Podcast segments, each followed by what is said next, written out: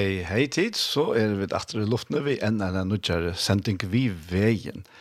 Frutja der er, og mitt navn er Daniel Adol Jakobsen, og sitter her i studiet Kjei i Havn, og her har en gjest Tjamar her, og gesteren Tjamar til er Anna Sigmunds døtter Dam. Velkommen, Anna. Takk for det.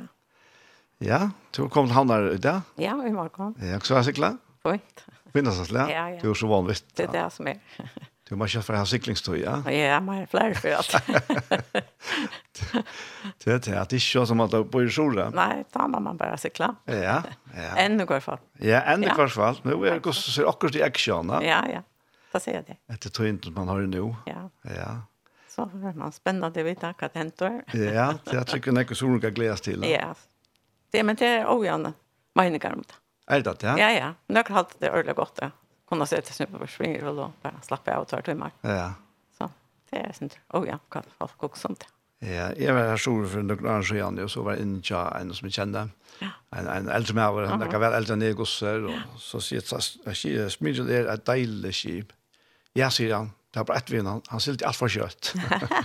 man man sätter ner och pratar så, så han kom fram. Særlig hvis som prater pratar också, kan gå ordentlig kött. Ja. Ja. Vad man kör för man är. Ja. Huxat onkan du växer så tyckligt. Nei, sjoldan, hvis det er ringvever så. Det er ikke halva sjåar så. Ja, akkurat, ja. Det er ikke om det gjør, eller, ja. ja. Nei, altså, det får de ikke fjerde. Nei. Nei, det gjør det ikke. Og det er avløs av styr folk alle. Ja, til det som er. Ja. Det er det, ja. Så det er, det er, det er, det er, det er, det Nei, det er ikke noen chanser. Det er ganske særlig at de har lett ut. Det er sikler i vant. Nei, det er det som er, ja. Det har forstand, Anna. Ja. Så, men uh, du må helt fortelle oss om hvor du erst. Ja, ja. Jeg er oppvaksen i Sandvåg, men jeg er født av Sandvåg. Mamma min, hun er slekt av Sandvåg, og hun kom til Sandvåg at passa henne kone på sånk. Ah, okay. Så vi tar tog inn så åtte jo koner hjemme, og, og det hele var ordentlig godt for det. Det skulle litt sånn ikke gradere at nå. Jeg hadde ikke funnet det for natten, at jeg ikke var så godt. Nei, det er så akkurat, ja. ja. Så hun er tåra, og hun kom til en av kone fra Sante som heter Elisabeth, og hun som er gift ved Amba som heter Jørgen. ah, akkurat, ja. ja. Det minnes det. det. Så, te, så hun kom her i huset da hun skulle eie til yngste dotteren av Kjataiman. Og her traff hun som pappa min. Okay. Og de ble så pær, og ja, ble gift, og finns ikke nok på. Och bodde så att först tog av Santa? Nej, jag ble bare født av Santa tog jag mamma och ville gjerne for hjem til mamma Suna. Ja, till, Fatamata, ja. Ja, Suna, Suna opprona, eller vad man ska säga och få alltså första barnet. Ja. Bara så som man tar så vant. Tar ju man inte för sjukhus. Och det var en sjukhus, så eller ja, det var med det det får ju till 80 sjukhus då. Nej. Så hon gjorde det där by med og och så till nästa systerna med Maren. Hon blev eisende født av sant.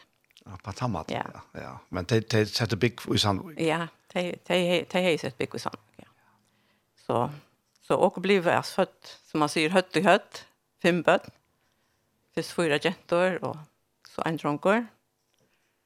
Og så kunne kan jag tutchen nästan ett år til en ett nölar kom. Det er så Toron. Og som du kjenner. Ja, han har känner öjla väl. Ja.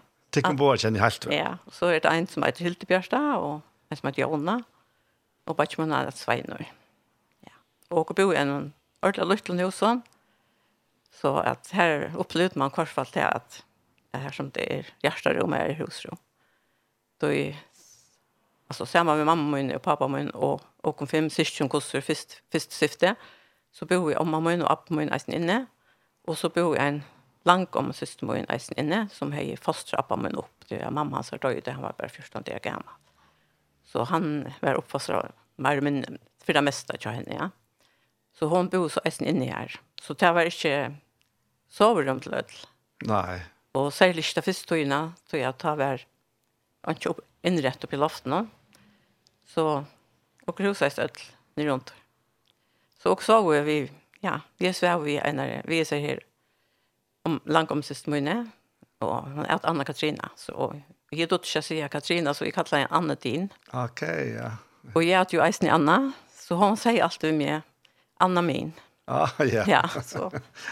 Så det, det ble så fint. Det ble ordentlig fint med noen, ja. Hun var ordentlig god med meg, og Och hon jag fortäller mig också också i Sverige. Hon har lejer alltid också runt kottan.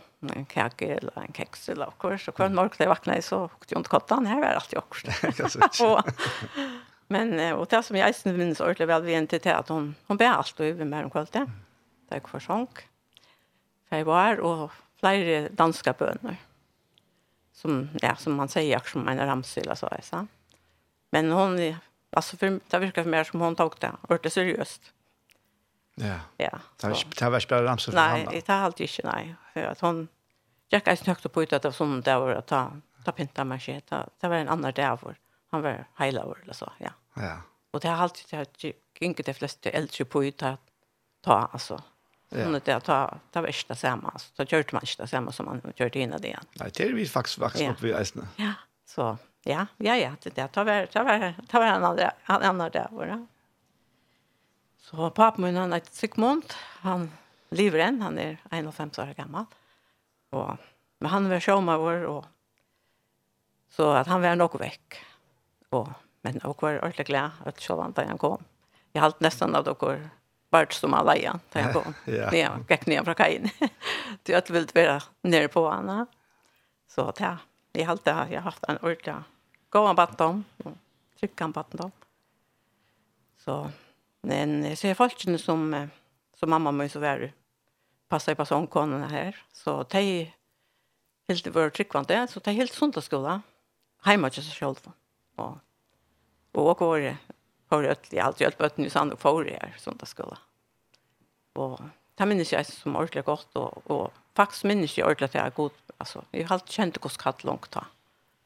Och sövnar det fortalte och ja, det som det. Det som är sunt Og ta, ta rørte vi meg, og ja, jeg var ordentlig rørt ofte, og, men det var jeg visste selv, hva gjør man vet det, eller så, mm. men, men, jeg, men så ikke du det, at, eller vet du det, at jeg var faktisk hos Ante som virka i ta av meg. Akkurat, så, ja. ja. Så, og da jeg var jeg sint vaksne, så fikk jeg faktisk en bøype fra dem, og som det her jeg graverer navnet i. Og inni i stå at hvordan skal inte ikke halte så regn? Vi halte kjøttur året og innan. Ja. ja. Så alltså det är alltså skrifter som som är fyllt med allt och ja. Så ja, det var och det var som det var något det var några att få en bibel som inte har hina och ja. Mm. Så det var det här jag syns också vidjan av försäljaren öron som alltså från ett nilla ja, skåpon och Kärn och Korst var det här och, och så en som ett annat hankan och Det var det som man kallar för era pins. Ja, det var ja. pins, ja. ja. Och, och det säger jag stått i kurs till vad är vi han hej en mandolin allt till också. Han spalte på ett, ett instrument som det var ordentligt gott eller kvalt och ja, det var, han var så lovlig reisen här. Och något sant sancho i tecken till och så. Så ja, det var, det var ordentligt gott. Det var gott på den där, ja. ja. Så Och han alltså och finns jag sen flöver så att man eh jag vet att hur jag alltid tvär att döttern så att man var i skola i Mariaker på uppskola. Och ja. Det är ju det är ju flöver och kom nej flöver tar vet alltså plattor. Ja. Plater, Ja, och ja. plattspelare 80 år så. Det kom så och bor till nian och lust efter samman och så kvart så går det sen mamma när ankra flö ett ankra plat över ett år.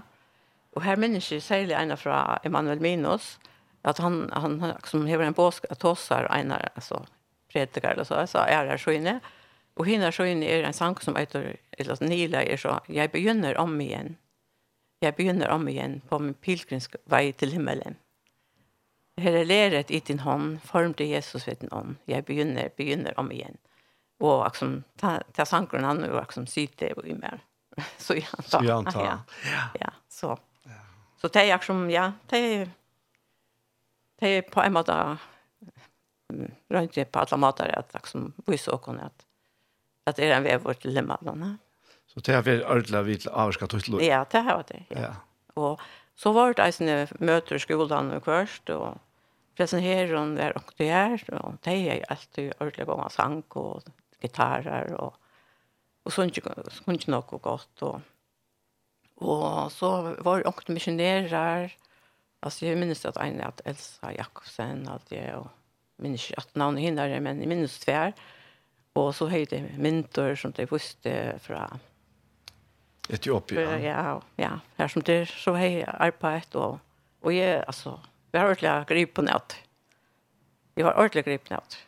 Och så är jeg som ofta så att jag möter så var det heter att at vittne, alltså gå jeg fruktelig vittna.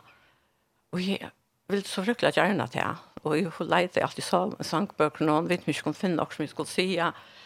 Och så tänkte jag, nej men hej mamma, men hon var resten ofta vi har möte. Så tänkte jag, hej hon kanske vittna fisk så hej tar det. Mm. Men ja, det har gjort ju så inte. Och så, så, så ble det ikke til noe. Men alltså, men jag... Ja, så jag domte ju att allt det och, och sökte til Mm, så. Da jeg var 13 år, så får jeg skolen til å høre. Det tror jeg at det, hvis han ikke var ikke noe fremhaldsskole eller fremhaldsdelt. Så mamma min hadde helt at, at dere skulle til liksom, få kun mer, altså lære noe mer, så hon fick så illa att jag folkförare i kanske skola i kända flock och och så bor vi här det var inte väl sannokar. Ja nej. Så man måste gå upp på fjället kvar för man skulle hem. Och det första förra året minns jag som om det var att du inte skulle lägga det isne. Ja. Så ta vart det bara så ta vart det lägga det sidan bort man fort sannokar och heimatter sån alltså överallt som där. Jag hade inte skola lägga det lucka fram till 3 av Ja. Ja. Ja, samma grej. Men kostar minns det för, för att det först nu. Men i minns eisen att aktien helt uppe att. Men ja, men det var så stort stöckor. Ja. Men jag långt har följt lite. Oh, ja, så att ja. jag får, visst det var bara gangant så får jag. En tur till Sandokar. så Så att det sånt där. Och så att det är sånt där. Ja. Så jag tar väl över till Kvalpjär. Så att uh, rotan kort som oftast fram. Mm sjukhusen. Det kom ofta folk av vidja. Ja. Og så får hun året som fyra tøyna. Og så om sånne kveld kort hun opp om noe tøyna. Så det var den tøyen som jeg så fikk i Sandvik. Men jeg er langt sødla i forra, så jeg dytta meg hver chans det var. Og enda får jeg om du ringer vekkere, og det er en ferien som måtte sende appa min og en annan mann etter meg, mot meg. Så det vil ikke skulle ganga sjolv. Men Jag vill inte ha. Har du avtalat till telefonen? Ja, ja. Ja. Så jeg vil inte ordentligt gjerne. Nei, ja. Så det er. Men en färna så gjør jeg nægge bort. Og så var det at det var en där var mitt vike. Som var frukt over hele av år. Och växer var så grulig godt. Solsken og stilt og deilig. Og jeg får bare skolen og bækken igjen av sykehåset og i bussen. Og så til Konke, da jeg var kommet til Kvalbjerg det stann dere. og så samtidig som jeg var inne i en tog i fjæren, hjemme til åkken. Så sier mamma med meg, nei, hatt måste du aldri gjøre at du tar visst slash ut. Det er ikke ringt til han jeg har sagt for at jeg bare, fikk bare et innskott i at jeg må fjæres det. Det virker så godt. var det bensjen om, om turen altså, på fjallet? Nei, men det var bensjen at jeg var ensam øl og, og ikke sagt fra. Okay, ja. Men annars hadde ikke det var bensjen om, om det, nei, det vanlige. Du ringte jeg som oftast fruttet det. Ja. Och, och så avtalade att visst, visst det var väver så kom jag. Och det här systern kommer som Sjövan Bo efter något hem att dem ta. De var så grova röska kom mot mig så möttes då går upp ja, fjällen. Så. Så det ja, en total färden då. Ja, fullkomliga färden. Ja. Jag har inte skilt nästan nu. Och så, ja, jag bor så att jag är nära appa systrar med och Och det var därför jag arbetade här och så får jag förstå i all Men ta på lott hon til klakskar til dottsyn att jag tar var bo i klakskar da. Så hur för till lankomna kom här att bekva i första ja. Och hon var sjuk och jeg var och var inlökt och så var det så så ju bo jag dottern när det först alltså skifte grulig ofta og det var kvalpa tja en ombaja. Så det, där gick jag så gott så ta ta var 15 år ta får så til havner. Ja. Så men altså, med en värd att förare så har jeg en ordentlig god vinkone. Men det är bättre för att havnar det kan ju alla alla. Nei, det var tog jag att hem kan bygge hva her. Ah, ja. okej, okay, ja. Ja. Så då vi har något jag en pappa på ja. Akkurat. Ja. Men det tar ju en mån till att att antallet at det her at att har jeg en ordentlig god vinkone. Og som är ofta kvendt det inn, ja. Og hon har ju så en omme som var tryckvante och hej eisen noen plater, som åker eisen lusta ett år och vi tar ikke som ja så vi har jag sen här långslön här på där. Ja. Ja, och så var folk eisen i Filching och presenterade møte i fylking, och den ene dottern tja nesten i folk sitter sitta någon sannolikt. Eh jag litar hon eh hon var eisen ofta att vara och hej möter Filching. Mm Boje var førre for här. Och så får jag ofte til huset vi är i får inn til henne at jag kommer skolan någon och liksom ja, jeg, jeg søkte det där ordentligt. Mhm. Och ja, och og trivs då ut då. Så eh men tar så så far så launar och hva tjösen i pappa pappa och Jack så i skolan der uppe. Vi är skolan här uppe. Ja, ja. ja så jeg har inte några turer för på er. ja, det har förstått jag. Ja. og cykla i snitt, og jeg fikk sykle så. så. Vad har det varit du kom under skolan här? Jag har varit, ja. Det var varit i... Så är det truschen nog? Ja. Jeg var ferdig under, jag var i tjejtrus kom slagen här. Okej. Ja. Så gikk jeg i real her, annan real her, og tjejtrus och trus. Og så folk ut av Vänjikaskolan. Så jeg bor ju västanför Jeg bor ju ute på Tredel her under innan. Det som pappa vet som kommer her. Eh, og konan og bøttene. Og jeg tror att de bor her, så blev alt det som bor i Hassar. Parsarna bor innan flott ut av Vänjikaskolan. Mm -hmm. Så faktisk var jeg ute i første flotchen. yeah. Eller det sista, men, men det første är Vänjikaskolan var. Akkurat. Tidsnebruk. Yeah. Ja. Så. Og jeg, jeg hittade ordentlig godt der, så där og fikk det over her här kvant det och ta for meg helt over över så til at jeg gikk inte her oppe, så var det nog slankt av här ute. Utan utan rätt utan rätt alltså på rätt där som och ofte kan leta ta. Så ta man skulle ikke se det og satt hem att skola. Ja. Ja, ja, ja, det var tog ta. Ja. Men så fick jag en cykel här så tar jag äkta Lucien Schotter.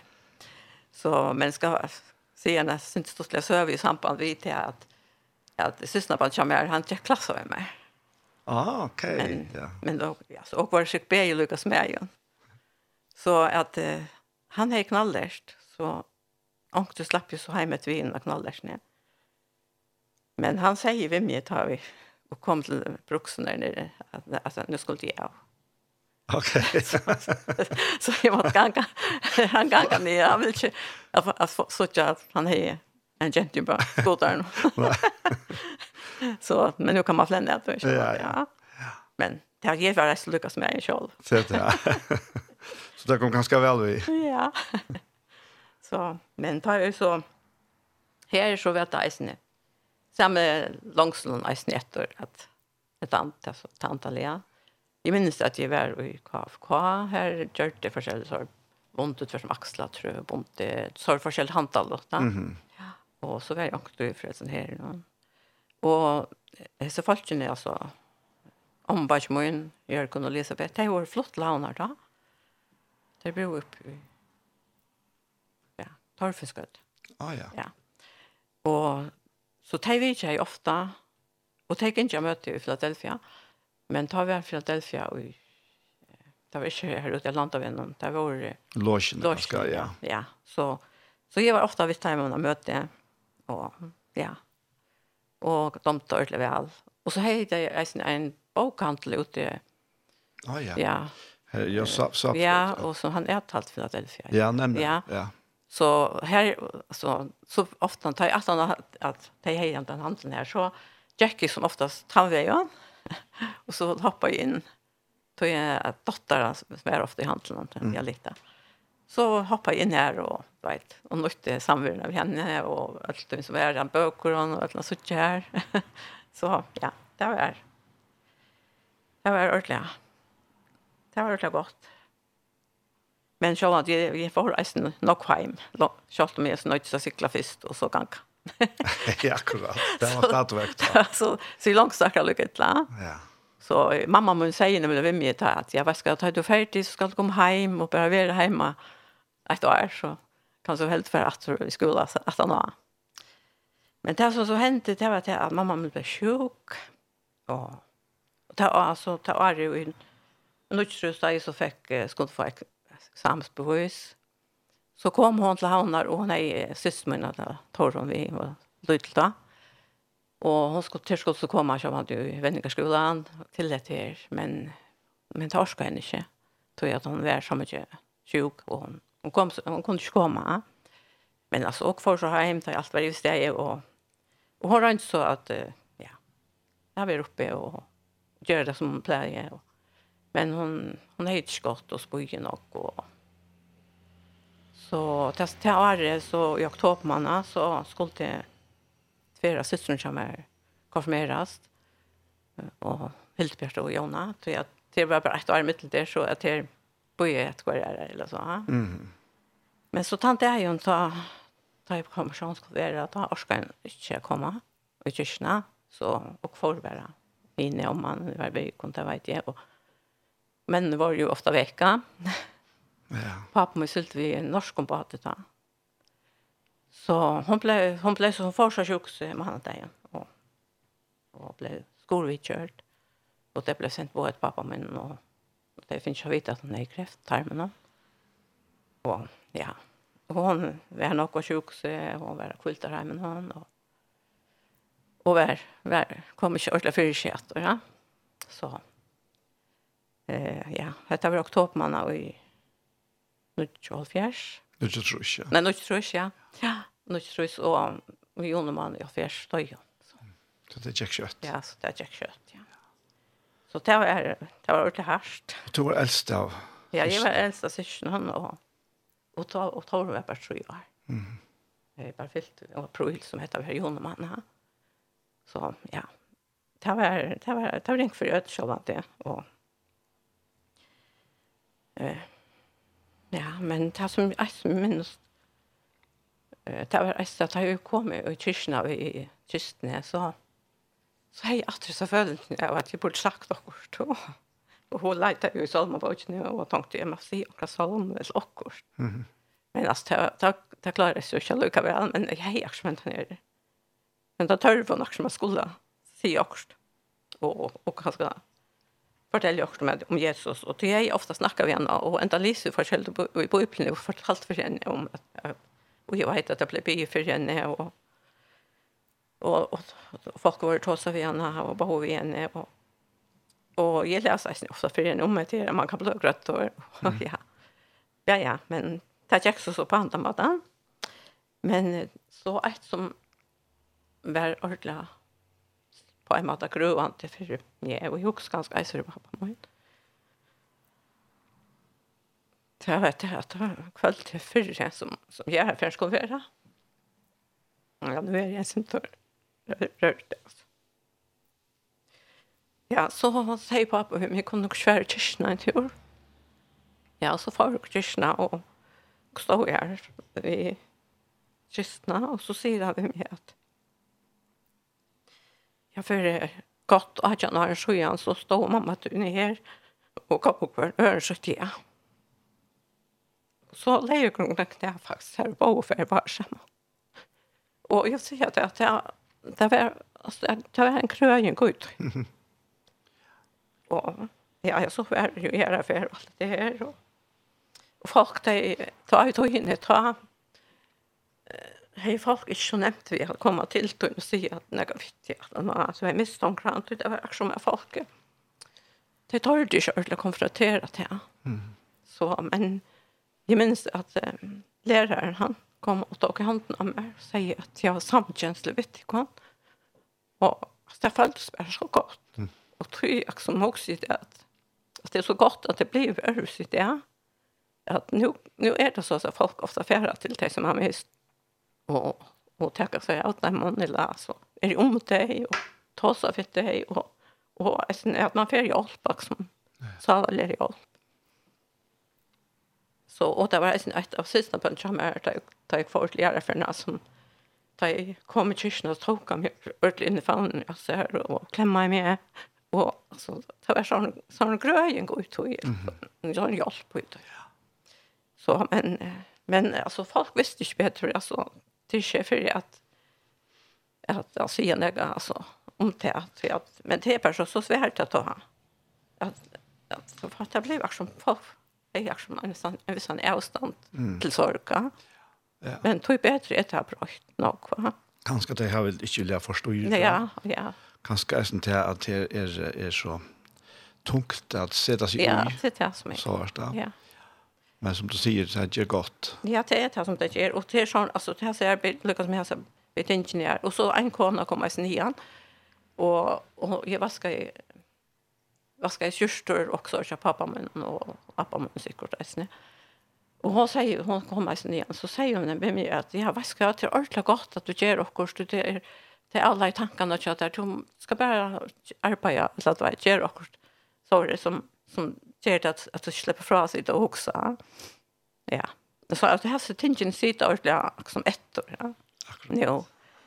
Men alltså så vet jag att det är som som helt det att jag skulle göra en goda gär det säger jag att det här må vara Guds vilja att mamma tycker alltså det är som är rätt mamma tycker det det må vara Guds vilja alltså ja alltså jag tar kanske folk i sin syns igen för det men för mig vet jag ordentligt ringt att höra så att jag tänkte att jag visste visst gott är så så så, så kan jag köra något igen göra mm. Så jag blev ordentligt till på god och och ja. ytter och skuffa och ja, och det var alltså det var ordentligt alltså det var då i jag ringt i att uppleva det. Så det som var meint vel, det virker ju övrigt. Ja.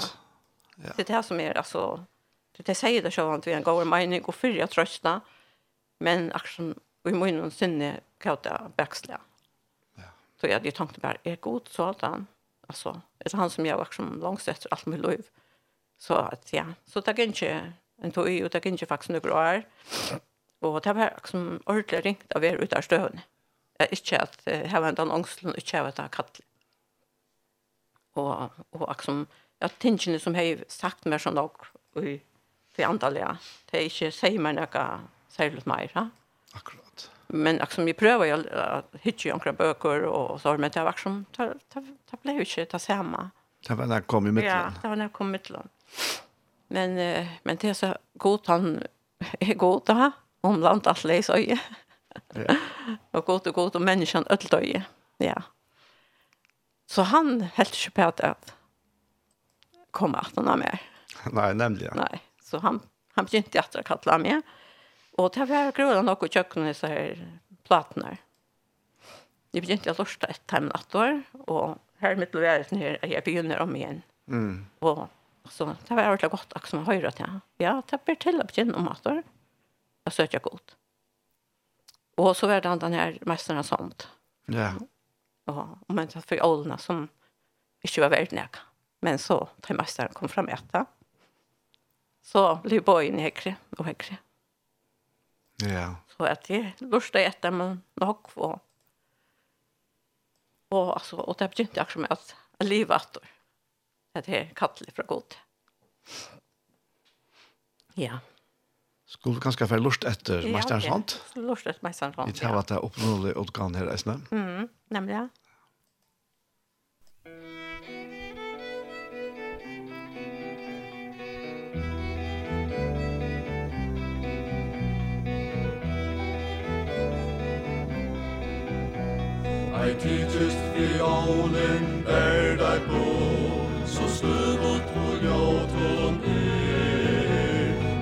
salaren vers tala Jesu ein gomul fioner her han hektana o ein bopa mer han smultist for bojur nu ein krona tver kronor ein damar ei te tver kronor bert verders derst du tver kronor fyrst og fer Angin meg, tver kronor er jo fyr Og en grærdor mevor, han så ei teir Kom fram og beleta seg for Ta gamlo fri ålena, han hella fær, Og stemma i strangilar vel.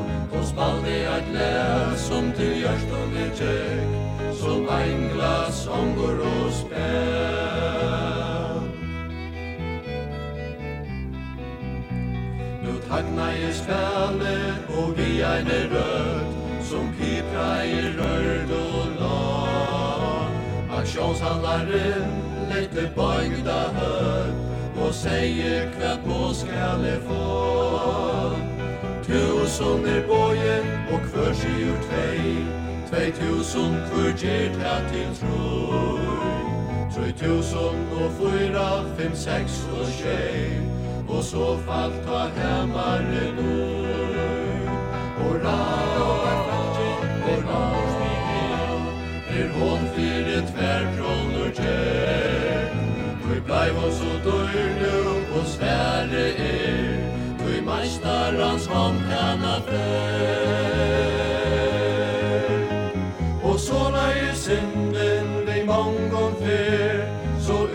at bræk han ser Til spott fyrre tanka les menneskjo er Som min dagen fyrir ålen vær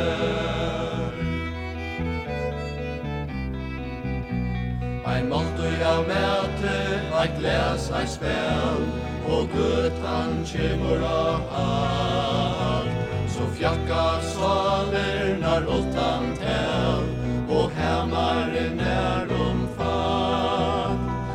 Meistaren kjemur og veren kan Ei fæta kvart hent nu er. Og spyr kvart brøtte så henda man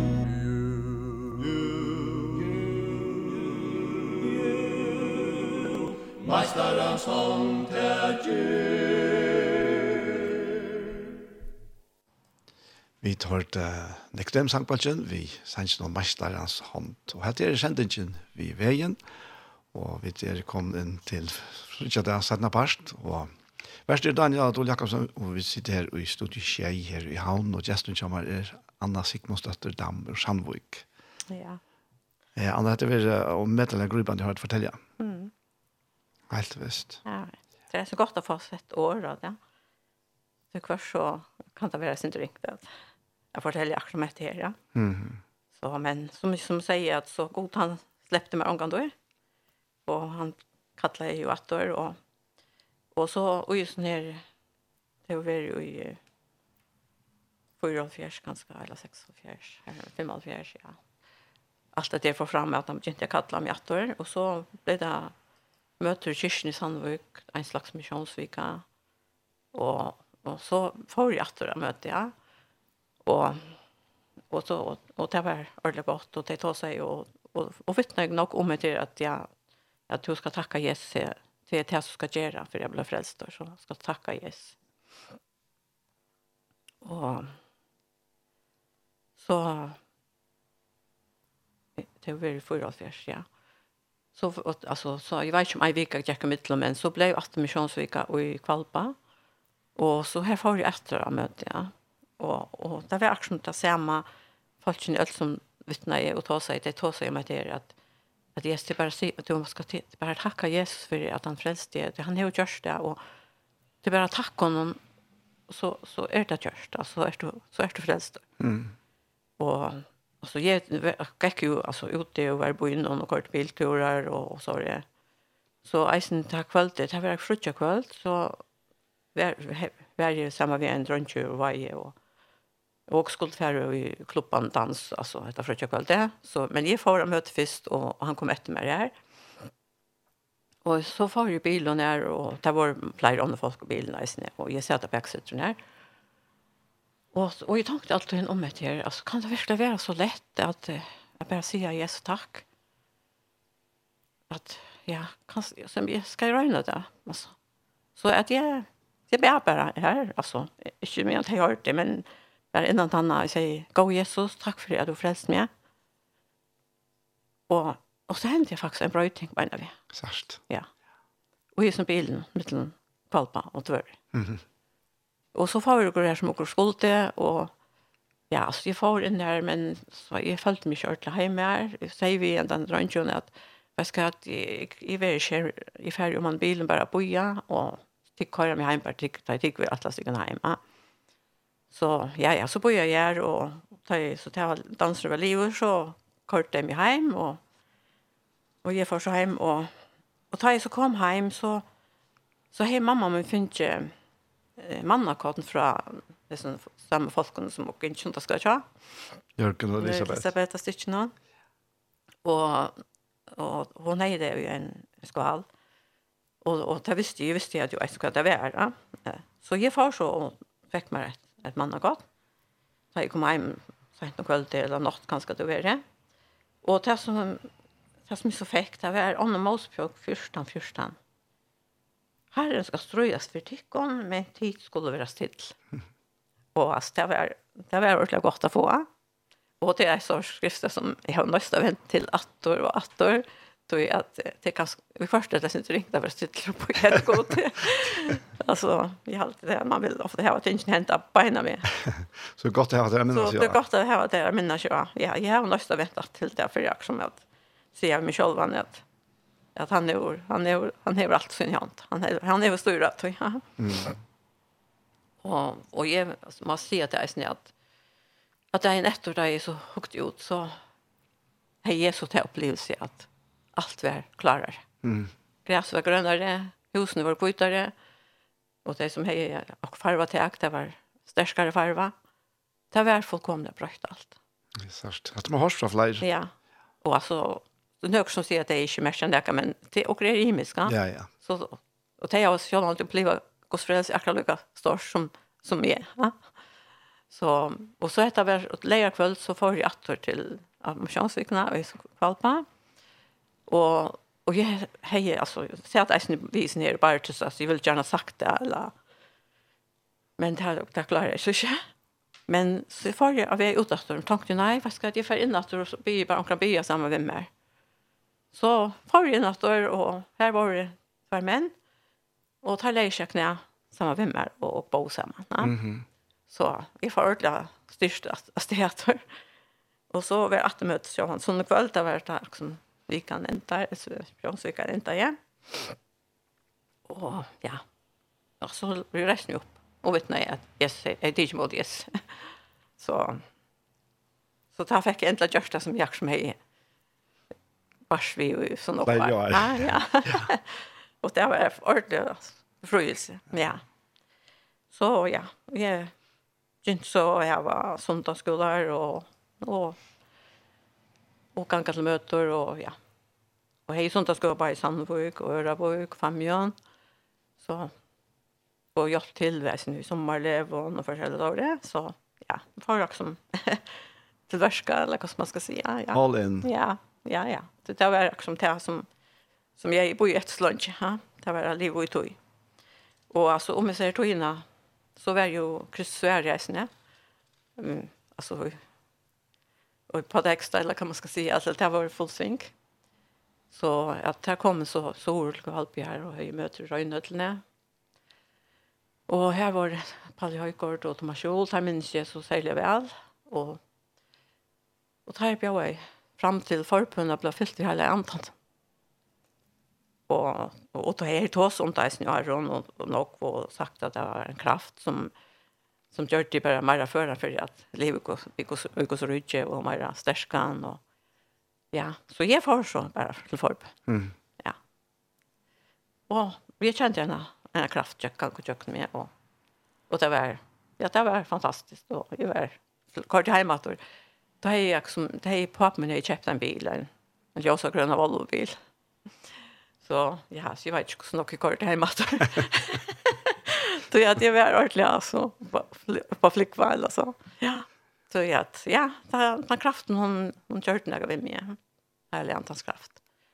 Så att när jag så färdas så sen nog vid timon och i runt om och i förrjon alla möjliga ställen var någon sant och du kopplar ut och här. Ja. Ja. Ja, så och här hände några fantastiska ting. Alltså nog stor møter, nok folk til møte, nok folk til forbøn, nok folk blir frelst og, og grødt og dødt i andre noen. Og, altså, det hendte virkelig nok ting, ja. Så det var, det var väldigt spennende, jeg har vært vidt til, ja. Så, men, altså, jeg leser jo Bibelene og, ja, og, og her står jo eisene til at, at de som kom til syk, de blir døpt i vattnet. Og, ja, Vi läste flera för er. Och att han som tror att han som har frälst och det låter sig döpa och han som tror vi döpt och ska ha frälst. Och det var det ser skriftstöjne och och du vet, ja, antingen måste man också inte tycka at det er mann, eller måste man göra något vitt dig Mm. så för mig bara till vet så på den måten att så kom tvär men en, en fra Jamaica, som er Dennis, og en norme av som er Torskild. Der kom så i fremtiden var jeg halte møter, og der eh, tog seg om meg til det. Og der har jo langt liv i meg og Aron, og jeg har sett det, og det har jeg som fest og i meg til jeg leste det. Mm. Ja. Så, at, så at jeg var en av dem som sier togene støve til at det vil jeg gjøre. Så at, og var en fem-seks folk som så blev döpt av Rishivatne. Var det kjent august i 46? Ja, sikkert. jag har hört om det att jag lär ble döpt av Rishivatne. Ja. Och jag minns den datorn jeg jag att var akkurat han där jag tog rik på ja, i Danmark. så men jag sa det var ordentligt kallt, vet jag. Ja, det var det. och det är ett tält som också så skifte ju och, och så blev det klart, ja. Och så att han har så så samla jag så går tja Otto Nilsen og heima tja Heimbæra og Otto Ester. Ja, Ester, ja. Og så ja, hei brei prating og boe og ta i om sår og og ta gjør det en av tog og og så leie jeg går hos et hos Porsche som er samvirke, samvirke. Eh, og her er jeg også eisen en av tog og Och så köpte, blev jag köpt ett hus i varje som fick namn Sion. Så. Nätt ja. Ja. Så här, och så, och grejer jag, alltså nog, för, nog förbindelse vi evangelius så jag tror att det vet jag, jag här så det, och ja. Så, ta blev också som vi tar hem ta. Och vi begynte jag när vi ska här, sånt att skola, och, och, och så Och här mötte ju så Shura som är dam som är med varandra med. Ja. Och inte så samma samkommer och och det högt säkert sent extra kvar nu Men jag tror att samkomma var mycket ut och så eller ja det var ju nog folk. Så var det sent ringt att liksom köra några vitta. du visste han inte rycka så heter det så ordentligt chill och skulle stanna här samman. Men så får dere til Israel, tjej og fjers. En tur. Hva var det vi i Svendig, eller? Nei, det var vi i Torskjell, Terksel. Ok, han, ja. Han var kjipa for noen fer, en, fer, altså. Det var, til Israel? Ja, og det var noen normen vi, ja. ja. Men så en, en kona fra Førjum var eisen vi, og, og den spørnet er nere fra Jamaica. Jamaica. Han ja. bor i altså London, ha. Han var eisen vi, altså ferien, ja. Så att och så ja och kände ju han för Aron så dock inte och det tur att han har grever till det som också skulle om kvällarna så tar man helt övra. Så får jag nog den tur bara inte runt och så hukte vintern och och så kan ju grejs ni för bo i försälla förrättningar vi broar kjolen och vi. Och han säger alltid när vi vi kom där alltså kvick kvick vad är det tekniskt det kunde köpa en bror kjol där och Så det Ja, han är kanske också vi är sen här. Men ta hej så ja. Jag snackar vitt. så han ordla skompa i inte det ja. Ja, men det blev så. Det blev så till det att jag inte jag. Jag kommer samman. Ja. så det startar ju Israel? Ja, så det startar ju Israel, ja. Och jag har flämt långt till att jag kanske dock finns ju solstycke också. men nej, det var det så inte. Nej, så och och blir så gift och i något jag fjärs. Och och grejer att så tjötötter. Rott ble født i Fors, og nå er vi i tvei i Fors, og så er vi i åtte Fors. Og nå er jeg snakket som en slags etternøller. Mm -hmm. ja. Så ja, og vi bor så i Sandvøk, og i Tarmen, som i husen som vi var oppvoksen i. Og papen min bygde norsk hus vi søgene av. Men også ble så byggvant ut i husen her, og bo her til og i og ver ut sju og forsalt, ja. Ta, alltså Torun, hon blev ju vuxen och vax och blev gick skola i Sandvik och så i Kvalpa.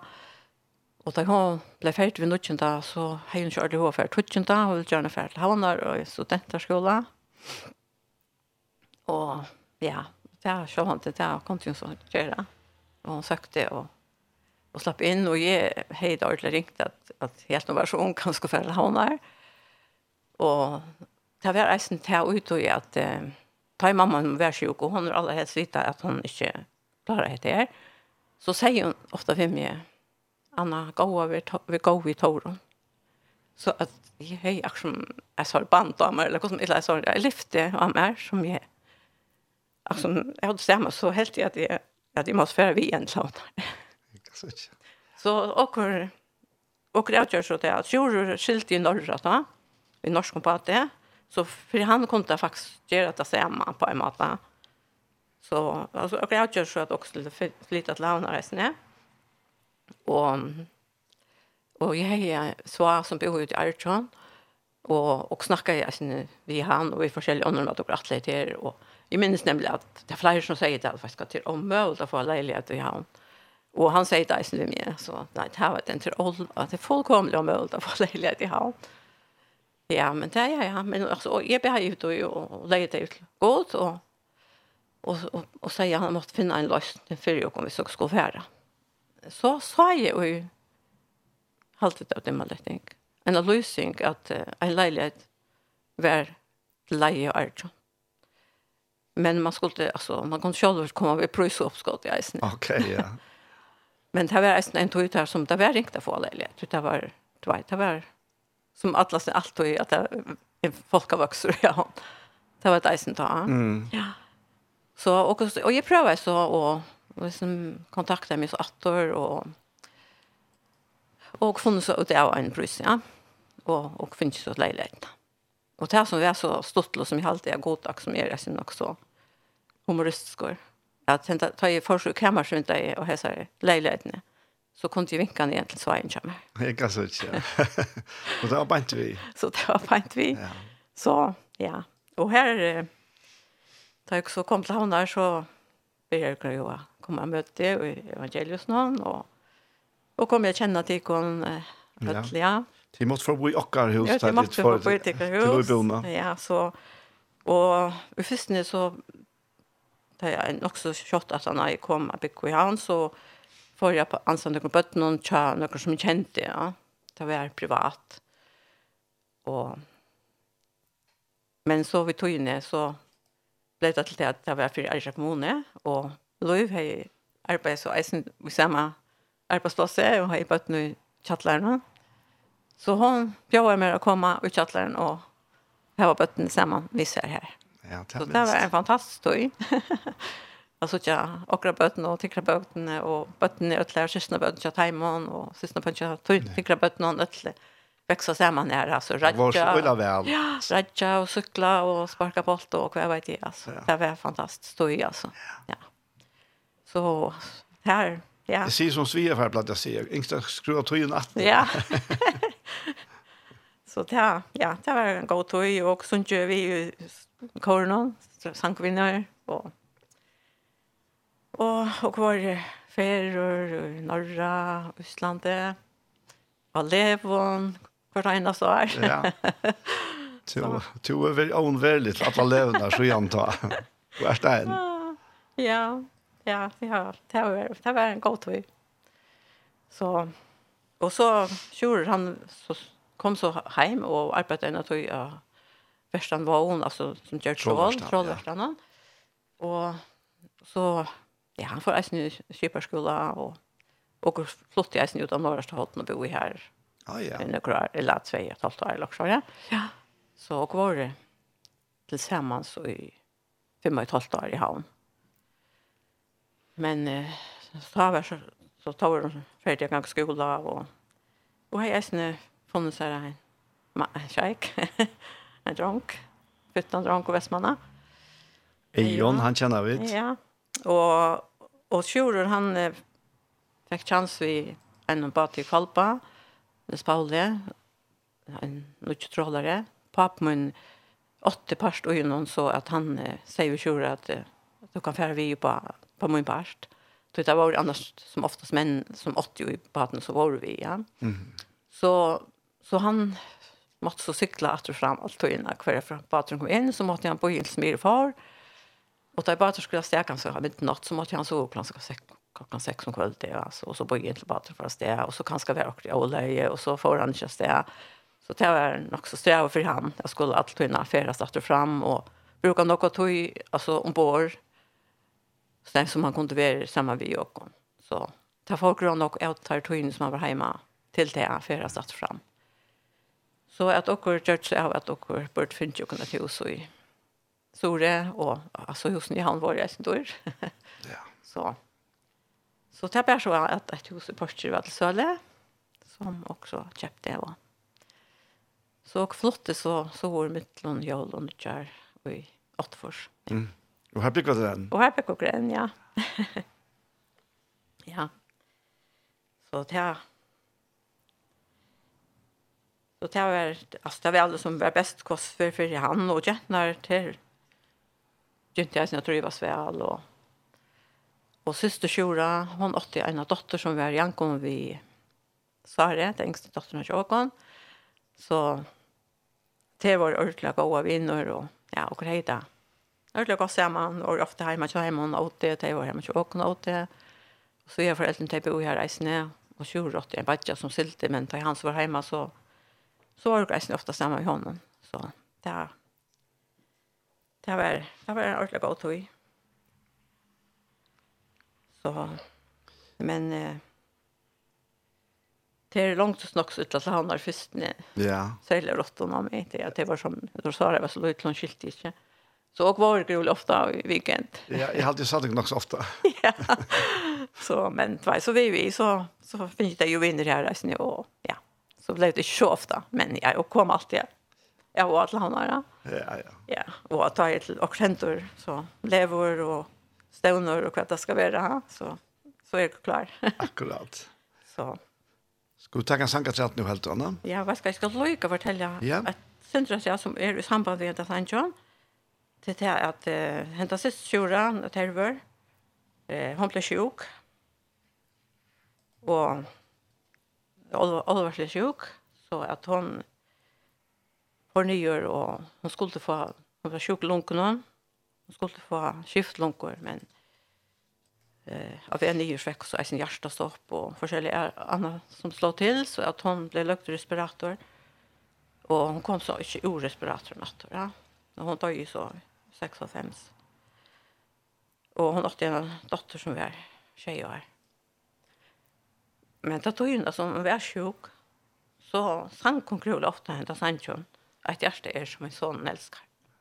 Och hon hej rola vajka rött, så jag det var ju långt kunde som var sjuk. Mm. Så tar man kom till detta sista verset. Jag kom till Jesus och du ska finna allt ut där törvar till cellen. Så vet jag som du vet hon klarar inte att se det, men hon rönte jag syns inte. Då Jesus, Jesus och Jesus regnar att no mycket är att leva. Och då tog jag i valtan där sen. Ja. Tror jag att Så att han var henne och käror och han är alltså och lötl och käror faktiskt. Alltså, ja. ja. Så, ja. Kristina Bergensen synker att hjärsta är.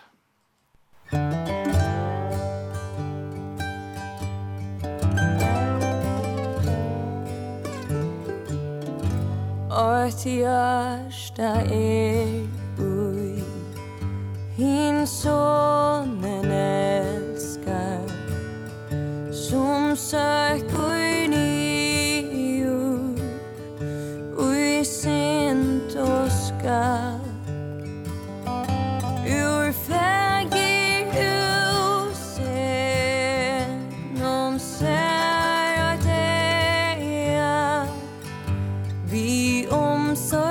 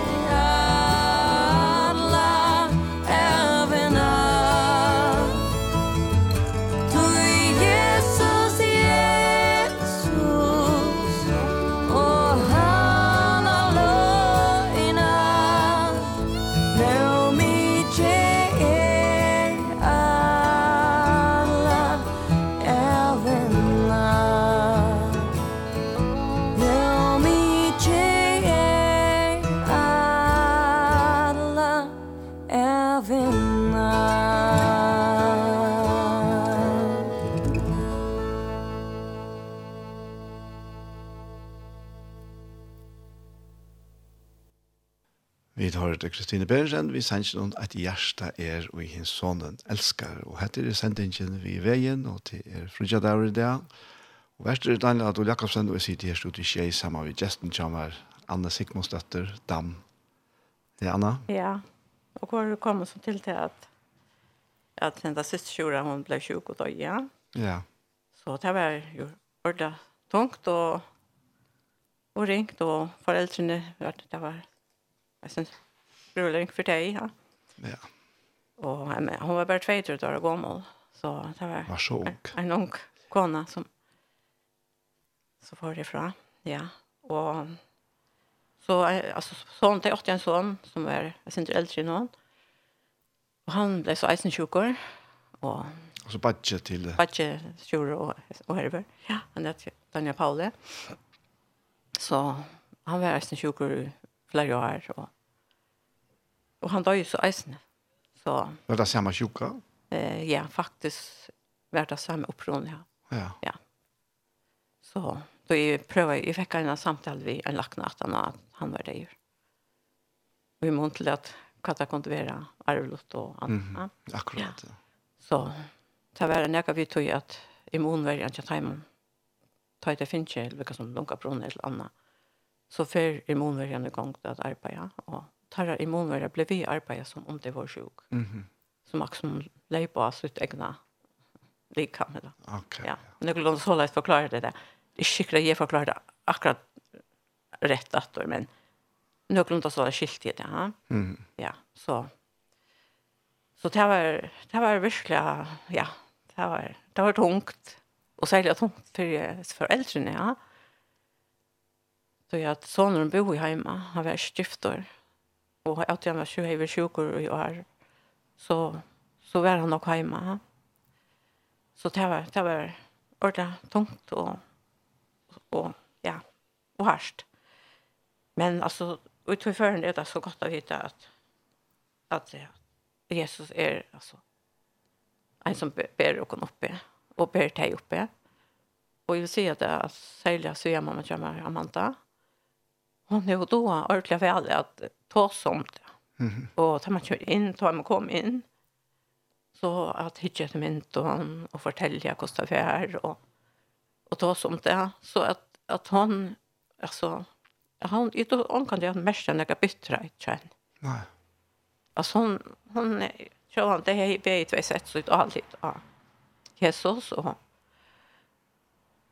och och de foreldrene til dem, jo lute jeg snu vi Jesus og og jeg halte det var ordentlig godt at hun dotte til at jeg halte det fram ikke gråka det vekk ta som det og og minnes tingene det, det var alltid en, en lekdom og tog for henne eller for deg men ja. Men det var selv om det var det som det her det er ikke nevnt da. Ja det har det var så vel ja så Och var det så alltså kom så han mötte jag så att jag tror jag ser jag inte kunde bo jag så det och och sve för men kom så isen här och och var visionär och helt möter och sånt att skola och det, Ja. Men nu i 65 så får jag arbeta. Alltså annars är jag passa böten ice om så år. Ja? Så böten var det pleje hemma. Okej, på samma sätt. Ja. Ja. Det är samma arbete som här norr. Så men eh, 6 av 5 så var bötten kommer också må att allt var var andra inne och ja.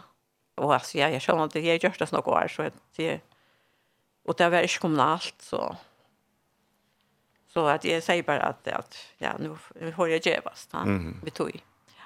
Men jag fick så arbete som stol och Vi var ju vart så att eh, stolarna arbetade och i en sted.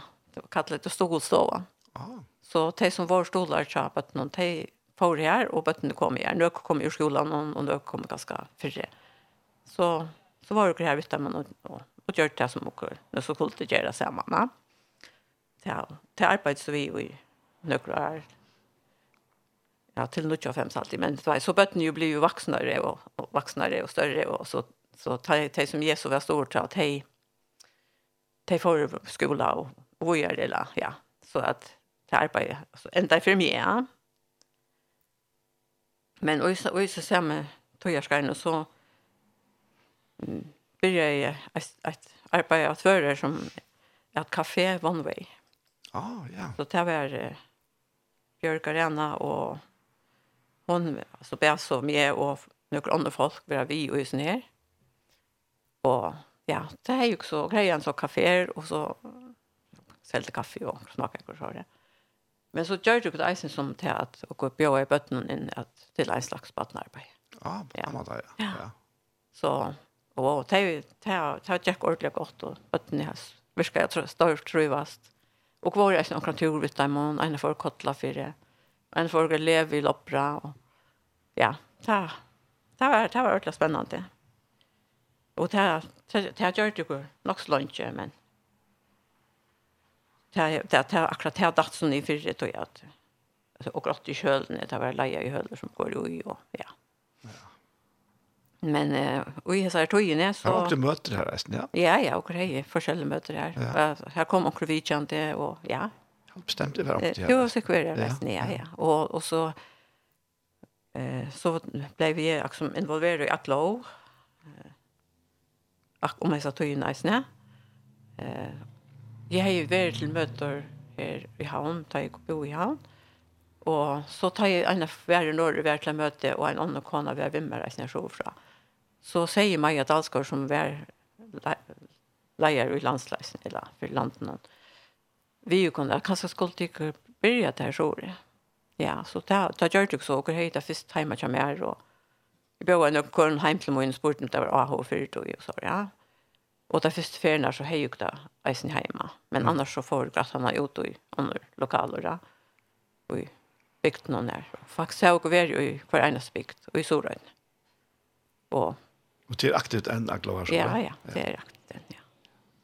Så, ja.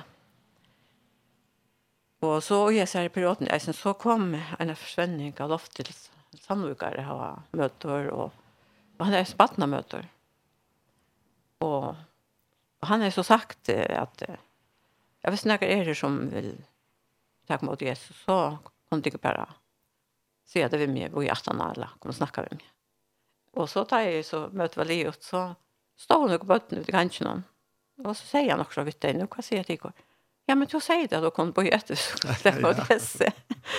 Så att ja og han ber ikke han vitt där man Men så säger han, vi är ju med och så en annan man att för att som är tumpjöten att alltså och kunde inte och kunde inte låta det släppa dem ner eller så så att att det måste finna bakkost. Att så och så började jag faktiskt barna möter i skolan i Sandvik. Gasut. Ja. ja. och där hejer ju nog kvar. Ja. Så och det är ordla stort låt att man möter folk vet så så ser jag som ja, det minns det gott och det var glad för det och det har finns inte något gjort och i, så möter man där att nu det är vuxna folk. Ja. Ja. Så det är ordentligt gott, ja. Och där ser man vi tror som tar man i sånt där skulle läsa för ta ju halsjäsen. Där möter man alltså folk som som är glad för det och och som här finns några bror, ja. Mhm. Så att ja, det är det är helt så men så blir det bara som färre och färre böt i Sandvik så att jag datt ner för ja. Ja. Bötten blev en större och ja. Det är kanske inte något bötten i samtidigt. Nej, det är inte något bötten. Nej, tyvärr det. det är så, vi är så små bygden. Ja. Falken vill helt vara de större bygden. Så och i, alltså om det sån om nu till fem kanske 2000, jag minns inte akkurat vad årstal det var. Då fick jag en en utföring Det var det at de som har handelen i Porsche, det er sikkert smuller, med her, han var sjukker, og det var nere og altså borstår for å få en helsbåt. Og det mangler folk i handelen. Altså det har en pris, men det mangler noen annen løse av. Så de ringte til meg og spurte om at jeg kom til. Så, og jeg sier ja. Jeg har ikke vært så mye hoksa med om en gang. Alltså, det är också som stövna det var ju, ja. Mm. Men eh och jag är då roligt att säga nej faktiskt. Men eh det var alltså en stor uppgång tror jag. Jag är så inte prövat det för ja. I allt som det är en handel för. Men eh, det gick så. så så vi är här och ja. Vi ända tog i. Och som jag säger Janne, så var det jo i Island, ja. Ja, jeg var tvärför i Island i samma vi evangelius. Ja, ja, ja. Ja. Nettopp. Vi var ju för för, för tjejer fortsatt. Ja. ja. Och så var var det att sätta att ta var Sara så vitt utav ja, honom ja, så som mycket stora. Ja. Men och och var det väl som man och bo faktiskt jag samma folk någon. Så ja, ja. Ja. Ja. ja. Så Anna och Oskar i dig och och jag har haft jag sent jag alla kort att fram. Mittel mittel någon. Ja. Så jeg har liksom, hei som en, vet ikke, en kærlighet til Østland, vil jeg si. Det er liksom boende og i min hjerte til Østland. Så var jeg en affær eh, til jeg sorg, klattene party. Det var man, skulle, man kunne kjøpe klær eh, og i en hus i Porsche. Og, men så, man skulle inn og WC og skifte, og, og så står man kø her, ja. Og vi kan, vi kan ikke når som vi stod i kø, her var et stort bøyla, en sånn laminera bøyla av Østland. Og jeg stod også som er hukte på at det, og jeg, jeg minst det, hva dere har gjort, og hva dere har vært, og Og så akkurat som god sier vi mye at ja, du skal være til Østlands. Ja, altså, det var et eller annet som man stender her og helt noen øren øren, øren, øren, Men ja, men ja, ta, ja, ja, Jeg sier ikke nei, altså. Ja. Det som god sier, det, det er som oftast til det, hvis man er lojene. Og det som var eisen i midlertid, tog til det, at uh, jentene som er her finner noen klær fra noen kone. Og i midten disse klærne var en blåsa, som, og hans blåsen stod, Iceland, a land of ice and fire. Mm. Og jeg brukte oftast blåsen å sove i. Så att jag kan någon mått när jag kom upp så sa i spekler, så vad det hette sig sa. Iceland, a land of ice and fire. Så var en, vi vet inte om det var kvitt som stod, eller akkur som hon var så i Philadelphia, og var jeg når till det.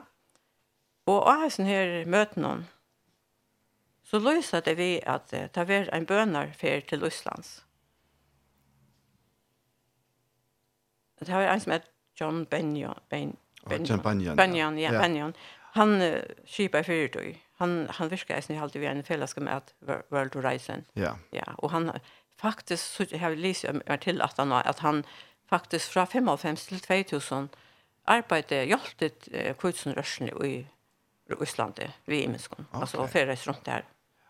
Vi gör det forskjell tiltak samma visst där man. Och han var så han som skipar for en nära bönar för och Östersjön i Ryssland ja. Og, og liksom, dette tendrer jeg beina som er. Så jeg sier, liksom melder meg til, eller sier jeg vil gjerne være en parstrat. Og så fikk jeg et brev fra dem, jeg halte nesten at det var skrivet, altså et brev trykt et eller annet, minns om det var e-mail, det kan ikke minnes ordentlig. Men gosser, og av første reglene stod her på. Island, a land of ice and fire. Jeg kan ikke. Akkurat, det var ordentlig stedfest. Ja. Så Ja, så ja, ja, ja, jag säger så jag kom och och köpa för det så att jag kunde färra. Men alltså, jag har så inte varit bort från svaret och att hon var ju yngst då. Men rått om dem till var det som inte vuxna och och jag hade nästan att jag inte skulle ha Det var så kost ha havn. Och, och men så har jag nog så ung och jag hade att det var jag syns så vad ska jag färra? Så jag måste spela god en för att om att om att jag skulle färra. Och jag tänkte väl det att vi syns för läser mina på bibel. Eh så så kanske finner jag som ju verkligen gärna vill att det ska passa vi det att jag ska färra. Ja. Så jag var i havn och så för in eh, torron och jag och jag åt en enska på på där. Så säger vi gott, vad ska jag gå ut nu färgbär och slaj på upp och upp så måste jag göra mig teckna på det så jeg, så är helt sikkert. så jeg fikk fra Ezekiel 341. Nå får han vi mer at posten tog posten hon och i öster efter vänster. så det kan köra mer greit. Ja, det er. Det var var Estland för. Det var etter Estland också färra. Ja, ja. Så og det var där som okkur så får jo börja i og for at landa vägen etter Estland öppna inte i öppna för. Men det som var ordla særligt vid det som tog noen, och det tog jo til at vi vi hjälpa. Det är att eh, Appemoen, han har så silt, altså løyveisene, och han har varit silt på Østlandet, ja. Og her har han finnet en... Appen og Sandvøk. Appen og Sandvøk, Herman. Ja. Sen, ja. Han har så finnet en nødja testamentet vi Solmonen av Øslandskån fra en mann som han er ved Kipsvik. Och detta var en sån ordentlig gåmebok och sån perme som var som minst rått og i og, och som är helt, alltså i de ordentlig vel, jeg helt allt med så flott. Så att, så att Appo säger, han säger inte gott igen, att jag sa det på sig, väl med dem, med dem till henne. Mm -hmm. Så inne i Subovichen stod, stod att skriva att i permen så här Appo må skriva. Hesa bok av Ragnar Björn Otnason, Arnason, Eskefyrir mer under 1940. Jeg var sild ved Nelly, jeg var best med. Det er jeg skriver inn i permene, og så skriver jeg så kurva maskinlaver og så forskjellig da. Men, og Eskefyr er jo av Estersjøen, ja. Så jeg tar jo også for det sted, så tar jeg seg på av vimmer, og hoksa jeg at kanskje er det mulig at man kan treffe omkring, og gjøre seg familien og kunne, altså, bjøre dem ganske på ikke natt og fortelle dem at, altså, søvn om man eller så, jeg sa. Ja. Og, og for begynte i høpen og for og greie møter her, og bo i Øtlund bygden og så måtte jeg si jeg møter da. Og så kom jeg til Eskfyr, jeg og skulle bygge for en annen åtte. Og, og jeg hadde jo greie møter om kvalitet. Men morgen etter så sier jeg som leieren John, at det at i morgen så skulle jeg utføre hvert hver sær hver og i mot fjöllene eller hvert i ganga, og så bare spyrja god om at, altså, søkja god sjolv, ja.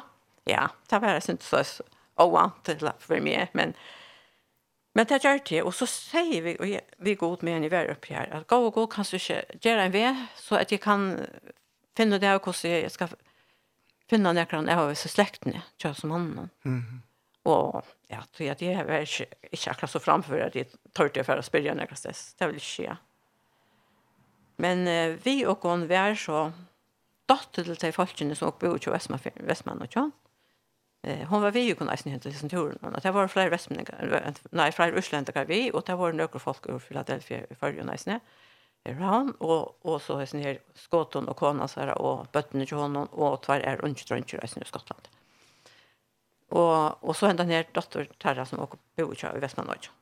Så henne kände jag eisen och Arona, och Og hon får så en vei, og jeg får en annen vei. Da jeg kom hjemme, om han etter fjallet noen, nå møtes det bare her. Og så tenkte jeg, hva skal jeg snakke det vi henne om disse bøkene?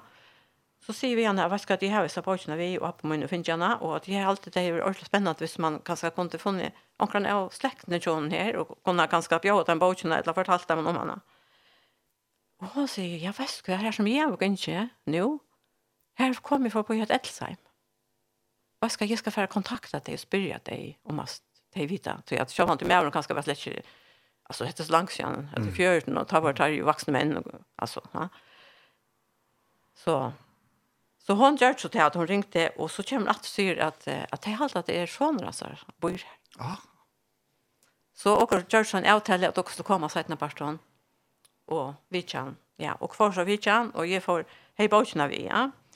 Och kom in och hon tar sig så och hon säger så att eh, hon nämnt inte namn i appa men eller på att hon eller något.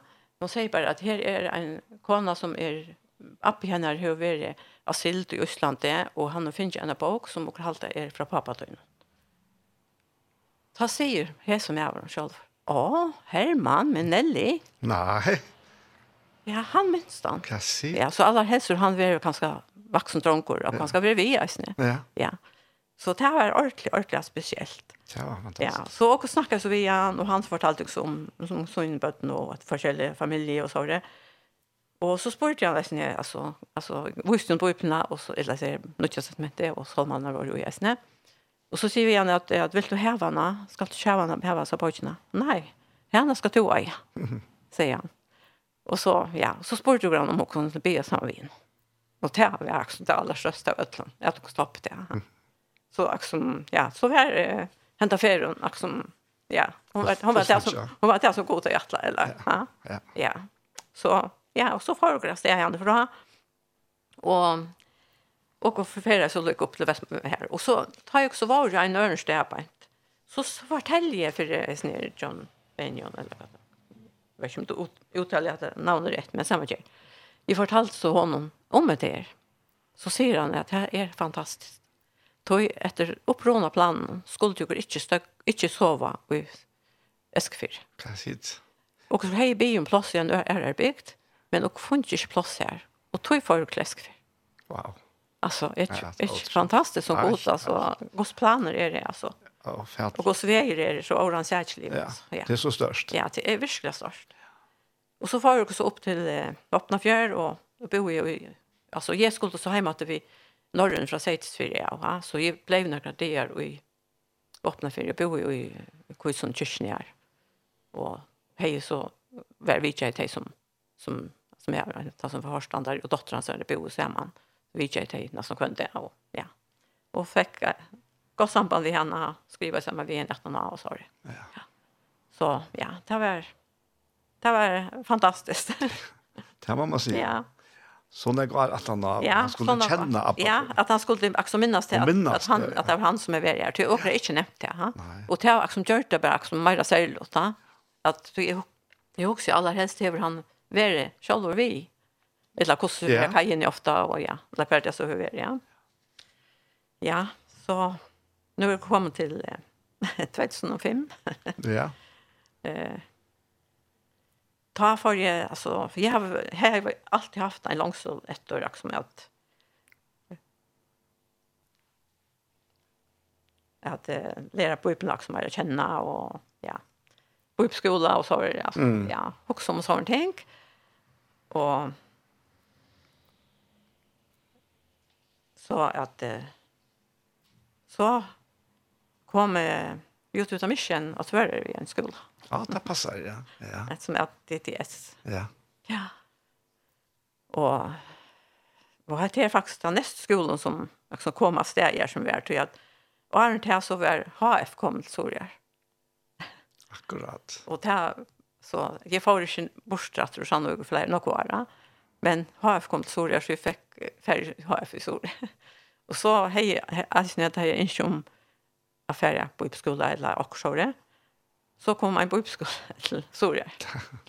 så att som gå till öppna ofta när som vägnar så kom vitta hem och yeah. serverade. ja. Så att ja, det var fantastiskt och här är ju skola och för så det som det kallar outreach alltså en missionsfärd så det.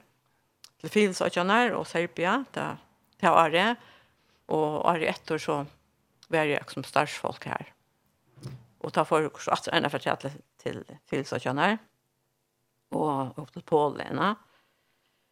Og så det var jo et fantastisk ombrøyd til å komme til Philips og det og det er arbeidet jo grann nok i stommen. Mm -hmm.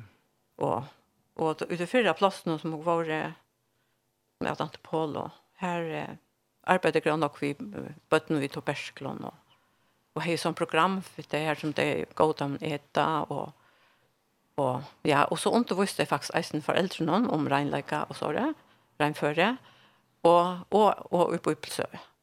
Bare bøttene og foreldrene. Og det ble jo også en parter av som, den programmen og det jeg gjør. Så, og her var reisende så et sted som det kom vi bøttene, det var opp fra måten til seitna personene. Her som bøtt som hei, som ganske en særlig tørv, og var et eller annet fyrir enn at de var ordentlig, jeg undrer nere i, og och sjuka och då det var alltså tischen om här och finns äta och och ja och klämma ju och ja och vi vi tischen om alltså ordentligt. Mhm. Så så alltså det kunde drivast eller kom på något annat då. Och det var sån ting som och var vi vi och ja och och så uta jag skräll de kan vara också ha det isne. Och ja, det stinka i stinka i näka jag så. Perfekt. Wow. Ja, så i alltså vi har alltid att man blir ikke faktisk det samme atter. Det var väl ja. Nei. Nei. Altså, særlig at det er jorden i nå. Altså, jeg er helt av forferdelse som åker Øsla, altså. Ja? Ja, ja. Og det var glad for at jeg kan bøyle det, altså. Sikkert, ja. Klart. Ja. Det er, det er vi, ja. Mm. Ja. Jag tycker det ringt chocken som inte har väl sett upp luta. Ja, och och alltså man kom ju åter och Och man skulle ju leva att ut och själva inte och alltså jag skulle ju inte jag jag låg över att det där. det värsta jag det gjorde jag sen men men det var ett som det säger det samma tar man vet att några som färd ut i skrälldångan och får sig en bit att äta. Ja. Ja. Och och det som var så vittar men alltså det var så smulande och så bara kon ta ment ut av den här ute. Alltså och skam och skam alltså så alltså hvis vi huxar om okra mentan. Och det och det vill jag och och det vill jag och se ordentligt ut hvis också lägga en mynta men det är ju inte det är helt bara ordentligt stått på sig en mynt och så möjligt allt för mig. ja. Alltså det har varit alltså en fantastisk upplevelse. Da seitene ferien at jeg går året, da var jeg nok så nok ute i en middelskole og sånn større skole Og så var det en park, og her som folk som var heimleis lov bo i alltså. Ja. Och där alltså Filippin. Ja, Filippin. Det var isen Filippin, men det var så en en örn basa. Jag bara låt det här. Och och här arbetade var det nästan kunde jag ut jag sån här man kallar det en park eller vad man kallar det alltså. Det var det trö fram vi och så var det som en väver runt där. Och här bor nog och sån här folk. Och här var några mamma vid bötten och och som har onka blev och ja pissa in i rätta imorgon och og og det var tar där og her så ut det og var ikke det alltså her här bodde det. og og altså alltså jeg og hur skulle gjøre altså jeg og og rätt det og det det vil ta seg vi kon. Men hva så kunne gjøre for det og men så såg jag det at bant i av dessa här det var en sånn kyrkja samkomma som altså og så det onkel Fär inne og her var møte ja. Mm. Så får jag kontakta i dig og spurte deg om at det ikke var mulig at og kunne gjørst akkurat her, en av måltøy, og bjøysen til folkene som som annars bor jeg gøtene inn, og så kunne du reise en samsynstjøy og dem gå såra. Og det var de ordentlig glad for det, og villig til, så jeg at jeg har ikke sett hvordan jeg skulle nå av deg. Så det var jeg sent øvelsfittig, tog det var jeg sent forlypt på at kvitt folk kom her, eller da er det utlendinger, amerikanere kanskje det helt av eller hva det var, du vet da. Ja alltså de var förlypta på Jokon. Ja. Ja. Men det var inte lycka nämnt jag tajmon att som kontakta dig. Så de var ordentligt öppen för det, ordentligt glad för det. Så att det som också det att han att det var att och grejer gjorde en måltid en från vikna och och på dem in här och och det enda jag vet jag några att de kom jag till andra ting in i möten och annat. Och och at den ene det är ju så vart en det kommer med vår han är förhinkad. Ja og jeg har og och kört jag på sjuren og annars sånt, og, og jeg hadde jo ju kläck kaka jeg i og jeg minns ikke man fikk en lilla gåva. Og han græt og græt og græt, og han sier det først for loven han er i förhängard. Oh, ja. Helt en förhängard. Ja. Alltså det var så rörande alltså. Jag bara så lite skulle till och han var så hjärtans glädje han visste fick skos han skulle tacka och något annat. Och det var faktiskt inte något på sig som jag gjort för han. Men alltså, men det är att han följde att, att han är som blir byrsmätt igen. Mm. Ja. Og, og de kom jeg sen til møtene, og, og her var nemlig en, hon var faktisk, ja, en skøtja. Og, og hun ville jeg ikke gjerne komme og møte. Men hon var jo ulytt som det, som hun tjekk ut det. Så tar hon sier jeg at hun kommer møte, så sier jeg, men altså, hva skal jeg gjemme for hjem, tror jeg, jeg må lete meg jo i Ørvse. Mm -hmm. Så, altså, mener vi, altså, så hon ville til, liksom, at, ja. att at hun kunne ikke göra så som motstånd som får möttes där på ett det är alltså jag har alltid det här alltså det säger jag som är näka som hennes hjärta eller så mm. ja och hon kom här blir för och ja Och och bara spurte så tej alltså jag hoppas att det har fortsatt än och vet inte akkurat det har vi inte ordentligt haft samband med teater som så alltså att och bara det faktiskt fortsätta vi tog arbetet. Så nu heter ju Eisen finns ju kontakterna vi ja. ja. Så det var möjligt, sånne. Så att det så kanske finns stol för onkeln till att köpa med att och så, ja. Till till att jag till det, ja. To Anders, la ferdig en sang av en fortsatt her. Ja, la oss ta en. Ja, ok. Ja. Ok, vet du, en sanger som også ikke ordentlig nok til første årene vi ser. Då jeg at det, jeg har brukt det en av sangpunkt, sånn grønne som jeg har silt rein. Ja, nettopp, ja. Så, att, så han, han hever nekk exunge rundt. Ja, og, er det en? Ja, så, ja. så han må komme vi. ja, han kommer der. Og til er um, sangren, og Jesus, du som fyller alt i alle. Ja, nemlig, han er størst, ja. Ja.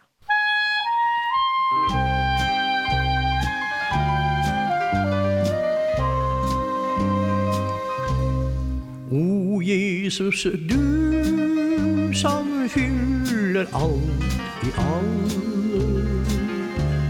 som rik på miskunnig og nåde er. Ja, lik Maria, for din fot vil falle, for intet hvilested er skjønt som der. Min frelser kjær, ditt skjønne navn,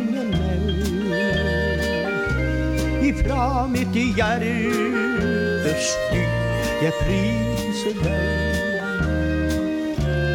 og alle tvilens mørke skyer er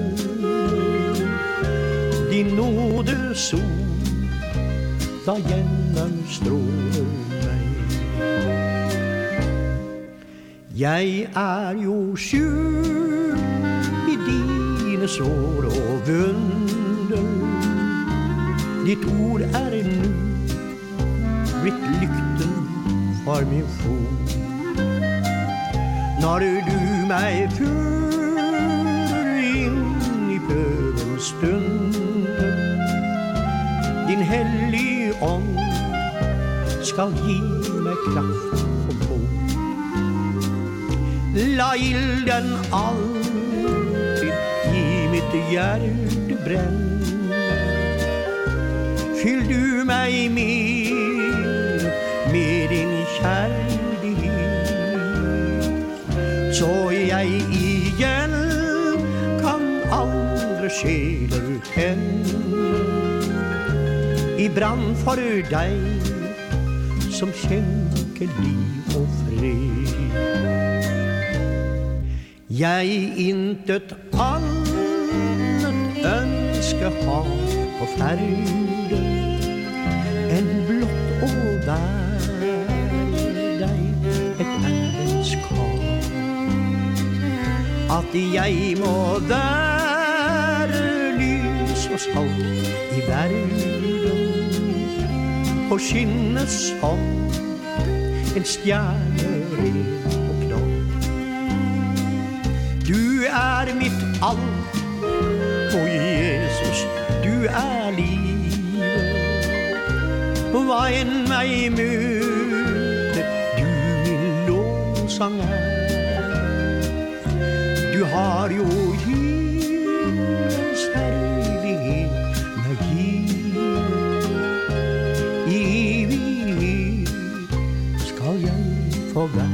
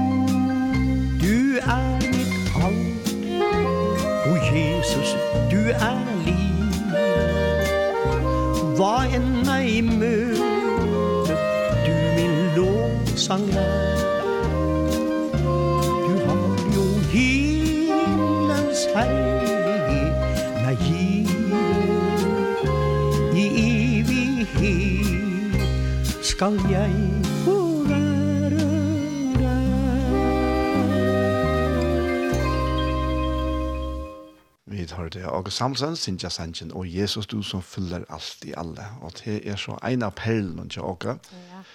Og så vet du hva, så er det en av sanger som er kommet i norske sommerbøysene. Mm. Det er nekve imes som Sintja. Ja.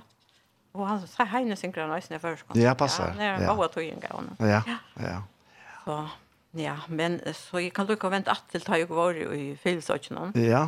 Så var jeg en av for inne i en kafé, og Og som jeg er inne her, så och her var det noen unge kjente vi gikk om Mari og Løyv og ja. Ah, ja, nästan. Ja, og så og och som jag sitter här nu så så ropar til nesten vi att är Stefan Kart Chapman stendte her. Og for för över helt på den mannen Jo, det var han. Ja, var det. Og han skulle ha konsert her. Nei. Og i början så at och jeg har at att och det at lort etter honom. Så och för sånn, där och jag lust efter honom och Og her fortalte jeg så om Terra Løyv, og, og fortalte til at altså, de åtte tre bøten, en er kjent ut hver drønnkjør, og det er helt det som at de åtte har finnet ikke noe bøten, og da, det, var, det var så det. Men så begynte jentene å si, jeg vet det, at, at jeg alltid ikke så fattig med arbeid. Og de sier, tvattla, hva skal, skal du ikke hukse om, altså, og er ferdig for bøten, og, og det var nok av bøten. Og Så då säger hon att hon blev jag säga det. Så säger hon, alltså jag har alltid god som säger det här vid mig. Att jag skulle ha mig på Mhm. Ja, så det det måste så säga erkänna att jag god kan ju ens snacka över eller tarra på det alltså och komma på tandvatan till dig. Så det har så adoptera tror på nu kina. Och så har jeg alltså just en sånn fond eller inte inte bara en läs men jo en slags badenheim här som bøtten kunne bli som adapterer fra kjøkkenen til. Mm -hmm. Og det er ofte bøtten som, som feiler akkurat, som andre kan så teka seg av og få, så de får et godt liv. Va? Og den ene jenten som de har hei nemlig hjertefeil. Men, og så bøtten kom i, så i USA, og de vekste opp, og, og ja, ja, det er små jenter allikevel. Da.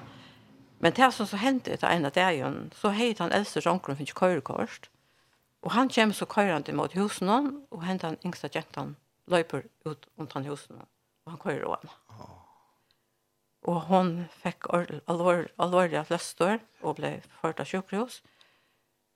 Og, men hon, hon overlevde ikke. Mm. Så det var en stor sorg for deg, og, og så var det stronken var jo knustor til at han var akkurat begynt å køyre bil. Og så har vi så som fyllt dem, men jeg synes at han var til og hukt etter intervjuen med deg. Og så var et intervju om nemlig jeg her at hvordan det herste var. Og, og så sier Steven Karts Chapman at ja, at det var ordentlig herst og, og var ordentlig av bottene. Men det som jeg oppdager jeg, det er være av bottene. Det er være av bottene og være en kletter. Mm. Det var Kristus. Og nå kan jeg, ved erfaring, sier vi ånder som kom i samme støve at om du kommer av botten, så er det en klettur å standa av botten mm. til Kristus. Och liksom, til jag kom till han så geva vojer från oss ner. Och det är alltså ett annat som eh, soner, att hans soner säger om Batjason. Han säger att ja, det första det han har bak och ordentligt nog för jag systrar och skulle leve. Men det här Sverige var inte det som har attlaget. Men nu blir jag ordentligt nog för. Eller jag blir ordentligt nog för att systrar skulle grøtt. Men nu blir det ordentlig nok for at Norrbakken kjøp skal bli grøtt for at det er sørgen og det traumaen som han er i. Så aksom, ja, de får ja. bavom for noen, aksom, vi bavom for deg til Kristus, mm få hjelpen av ja. Så aksom, det er altså takk som sier meg aksom nok mer om enn den populära förrun ett land vet. Ja. Alltså att känna han för att han synker och han är känd och sjankare. Och han som jag nog lustar nog ett år. Men också när man hör såna söver så så så, så sätta och ett annat perspektiv alltså. Ja. Det här är människor som åker och tar kommer isen ut för traxkar tänkningar och tar man isen och sånt där det är bara en klättra stanta. Mm. Och till Kristus. Ja. Så att det var en så ja, det var det var en, en lärare ut och jag att att han kunde ge vad det var gör ett land och ja. Så jag kan här jag lukar en söver från Polen. Det här är ju og arbeidde vi en kyrkje her, så har jag kvinnomöte her, Och så har jag gjort det på att han att dere finns ikke alt hver som lepa på papiret, och all lepan ska också skriva eller teckna akkurat. Och så skulle dere ge det till någon annan. Och Så den ena konan som var här av möten hon var dotteren av Jack vanlig samkomna, men hon var inte tryggvande. Men hon var kom vid till detta kvinnomöte. Och hon fick så en, en, en mynd av en klocka som var fem minutter i tolv. Okej. Okay. Ja, men ja ja, hon fortalte ju det och hon och för hem att då och men att kväll efter ett annat kväll efter hej och så akla möte. Och ta kom ju dottern Aisne och enda mamma kom Aisne i. Och ta kom så till förp. Och säger att hon vill bli frälst. Hon sa detta som ett tecken från Gud. Att ta klockan är 15.12 och äta kött. Och stod stå i ett. Akkurat, ja. ja. så, och där blev han nära frälst där och tant där. Så det är, det är ordentligt uppmuntrande att över vi till sån ting. Ja. Det är det. Ja. Så att ja, det har varit så det. Och 2008 så får jag också att ett annat arbete det var att arbeta som vi ja, som stod till en vuxen kone som var som var respirator och det var alltså imenska vakt och nästan nattavakt och och kvällvakt och och särskilt ofta när ut mot natten eller ta så lustar ju hon ett år kör Norge och särskilt år sån här som ett önskesång. Ah ja. Elise Karlsberg. Ja. Så det var ordentligt Ja, det var ordentligt gott att kunna liksom, dela det vi henne. Men eh, jeg sa akkurat det at och og jeg sånn her arbeid her, er det nok ting som jeg ikke mekner eller som ikke vet, for vi vet alt for lite om. Så at eh, ta var etter en skole jeg kom til så år, som er skolen.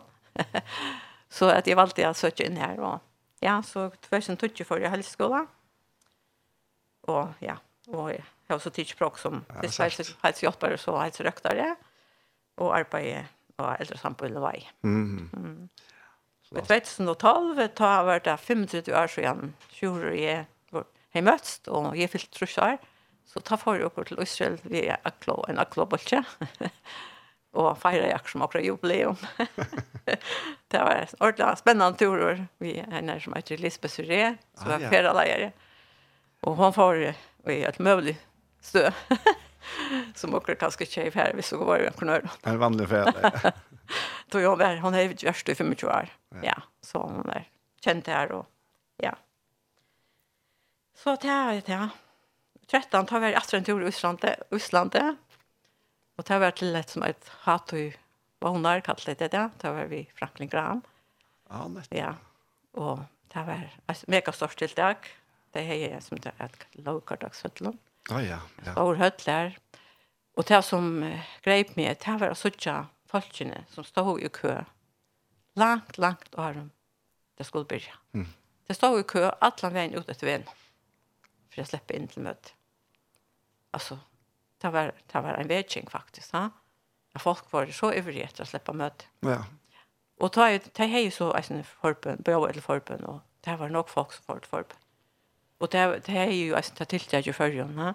Och det var så väl skipa på tamaten att de som kom till förbön, det finns ju alltså några tillfär, visst här och de kunde kontakta om rättan och och ja. Så det var det var alltså det var en ordentlig största suttja han som tanskärran som är där och tanskärran som sökte god. Det var, det var fantastiskt. Ja, så i fyrstan har vi i Kenya. Och vi kör. Jag klarar vad jag. Ja, jag tänkte nämligen att jag inte spurte mig. Jag tänkte, ja, men vad ska jag fortälja? jag var inte störst och blev så nog. Men alltså, nu är jag nästan 20, ja. men ja, det var en mega stort upplevelse. Ja. at være her og så ikke alt arbeid som Leif og Susanne var mm. der og som føringer av stola så ikke skolan, landstøyre og lett penger til skolan og en fellesskap som heter Naston og samla noen penger inn til skolan så, og så har jeg sett at han ferdig av skolan da jeg var her og vi er til en sånn her skolaflokken Ja. Yeah. Och så tjej allt arbete som görs där alltså spöttene som kommer i skola och som får en måltid att äta och kanske en som måltid få aha. Ja. Och det här samarbetet vi kyrkan är alltså det får om en kyrkan äta kvant ja. Och så så kan alla det att jag är vet inte 800 bötterna vet inte hur det ser ut det här att han har rys och äpplen och sås och äpplen. Men alltså det är alltid så fantastiskt att arbete. Ja, att det öppnar ju liksom. Det öppnar kyrkan, det brukar man alltid ha. Jeg har brukt den til, til møtereisene. Men det som var så godt, vet du, at jeg brukte den alt det, det var det at jeg som møtene våre, så følte jeg alle bøttene som følte seg hjemme. Mm. Det var her til alt. De sunnet jo, de danset og de følte seg hjemme. De var til brytlopp og alt. Altså. Og var enda vi til brytlopp her. Og bøttene var ødelig vi. så at, vet Det er jeg åpnet, liksom. Ja, de har åpnet opp og, Og det er jo ikke så til å sitte fruktene av det, altså. Det er bøttene føler seg hjemme her, og det er så växa till så var det sen där antligen hemma. Ja, helt säkert, ja. Ja. Och så hade det alltså en skola ute i Rostnågarna här som det är snä. Här var också alltså. Och bättre det bor här och för skola här. Ja. Ja. Så att det så jag Den är inne liksom. Ja. Ja. Mynte det om kvar Ja, det mynte om kvar skräll de kan minna om kvar. Ja. Ja.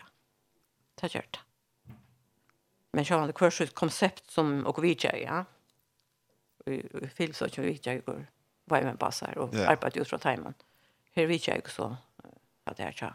New life mission. Ja. Ja. Så där. Ja. Där är det. Så har vi alltså mördar med ordliga väl lovsang. Och kanske eh jag vet inte om jag ska jag kan gott ha fortalt sögn om en som heter Jonsson Davley David Hetzler, som har skrivet Sanchon No Longer Slave.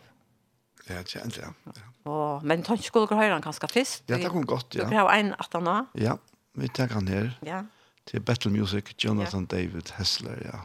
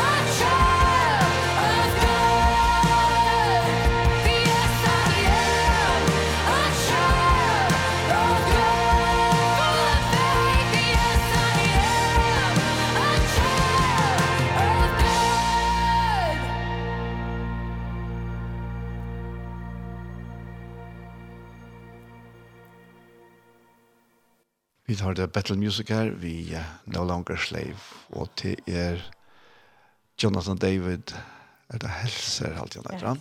Ja.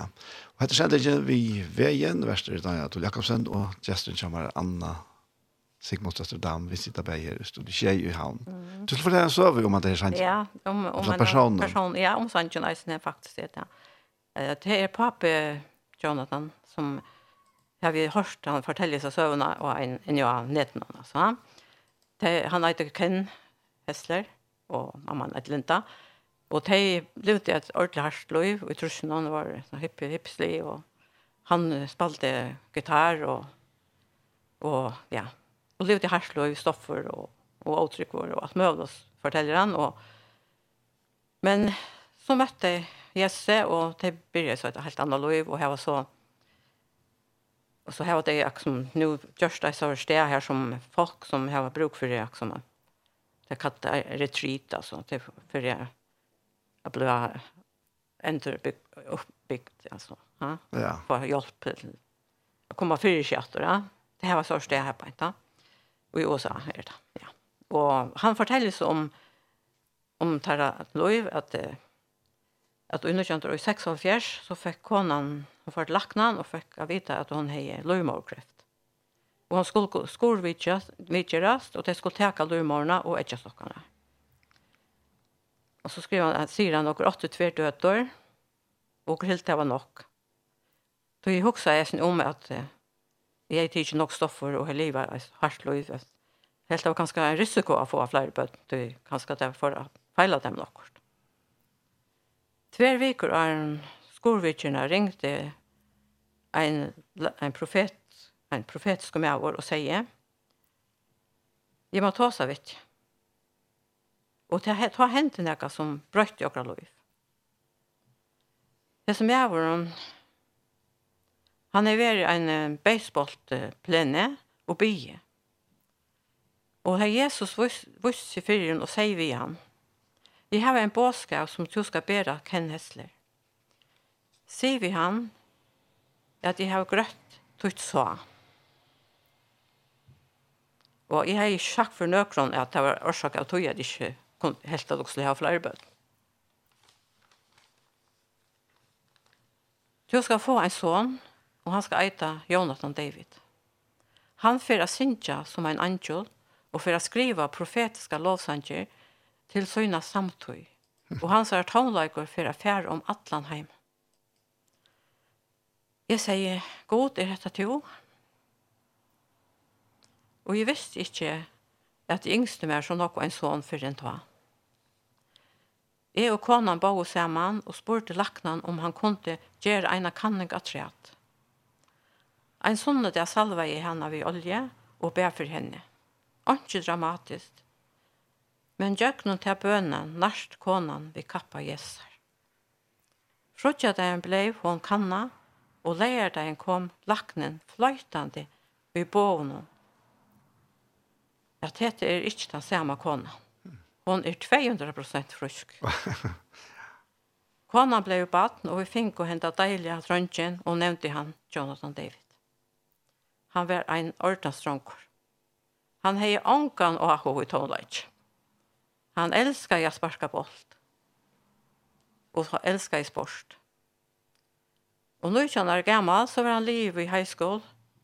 Och så spurte han, pappa play till att spela gitarr.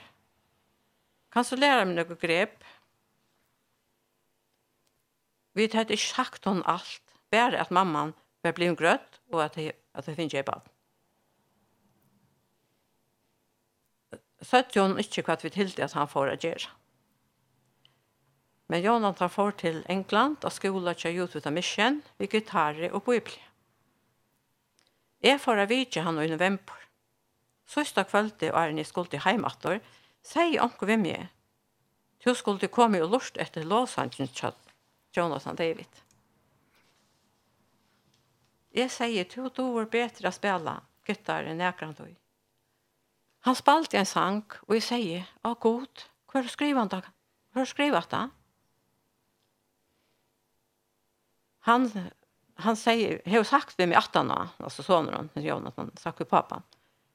Papi är färdig aldrig att glömma uttrycket i anlitet tunnan. Ta i to hej boja nästan 20 år efter att år från en profete blev till verdak. Jag säger Jonathan, jag har skrivit detta. Jesus sankorn är en profeti om tutt liv. Mm. Og jeg og mot atterlig, sier altså papen, det som levde fra og i trussene, bleka i bort okra arv. Vi spilte til som god gav okk. Men tøyt atterlig vil teka til attor, til som blei ødelagt. Tidfæra, at, tidfæra teka attor landet, tidfæra teka til attor vil låsa ikke. Det er sørst. Så sier han, er fyrr skjøtt og et vi sånn, vi sånn, John. Og er to sånner, Ken Hessler, Men nu ser jag, är du papi Jonathan David? ja. Och ta ner sjankgrunden. Det var sanken går hört nu. Och, och ta en uh, reklande säger han ett per. From my mother's womb you have chosen me. Ja. Och det är som, som papan så sa i sin egen ögon. Att det var sanna som heter Hesen där er med och nästan som profeten har sagt vi han som en alltså i påsk man finns fra gode faktiskt han sier. Och och han är alltså han ger sanger det där det, Og han er eisen kjent for en, en annen sang som heter No Longer Slaves. Og han sangren, han altså, er gjørt tror jeg at... Uh, ja, vi tar at han No Longer Slaves nå, va? Ja, ja. men så, han, han er eisen kjent til en annen sang som er... Uh, Ja, reisa halleluja. Ja. ja. Så tror jeg at eh, og i kyrkjen her og i Bethel, så var det en av fyrstrømmene som åtte en sånn, som var alvorlig sjukker. Og, og de var for noen, og det de gikk ikke godt, altså, de har litt vågner om han. Men så at jeg kvalte at han var oppe her, så ble han så arker enn å hette her, at fortsatt skulle gjøre så fort tre, så at han han alltså han gjorde inte sanction att resa halleluja att han ser ju vi fortsätter annars så att att du att du ska inte ha valt oss är och Och det, alltså, och så är det att det här bandtryckvån ska inte halta mer. Att jag vill tryckva gott det för att, att det ska hända några vis som drönsen. Och alltså det som jag eisen högst om det i samband vi och det var så nyer lucka i corona och och helt ju alla fotjent nej liksom just kunde puss. Mm. Men faktiskt så blev han ordentligt gott snuttor Och liksom jag kommer alltid åter till det som ständer i Salman tror ju att du bara gör för mer bänt för egen fortsätta med aha. Till corona själva inte vet en fortsätta och gör det någon fortsätta mm. men Samson så bor så bara det här ett nytt bor för öllum dem tryckvanti och för öllum människor som vill det höra och ta ut och det har blivit så några är det nytt vägar som som evangeliet blev bo på ja ja. ja ja. Ja. Så ta alltså och eisen har tog in mest jeg som går så godt åka i och Åker bor jo i Porsche, og bøtten jo bor åker ærestes, og så det ikke langt tog, og hei, ikke, jeg kunne samskifta sånn at jeg telefon og FaceTime og alt det der, men och finnes ikke haft det her tjåkon. Men altså, jeg vil si at jeg, så gjør det godt faktisk ett ett et alltså jag täcker jag bor för och på en annan mata. Att uh, bötten i grannlänen där som uppe kvar. Är er sånn små bötten, skola bötten och kanske kontor något. Det begynte jeg å sende dere tekninger ah. og skrive dere brøv. Det kan så ikke. Altså, og jeg trengte godt, altså, som du er god for, altså.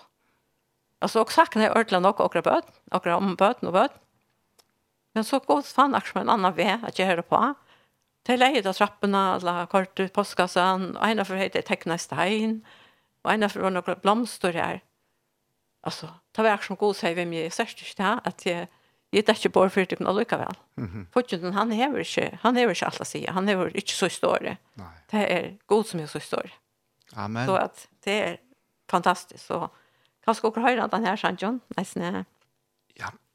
Eh. Arreisa halleluja. Arreisa halleluja. Ja.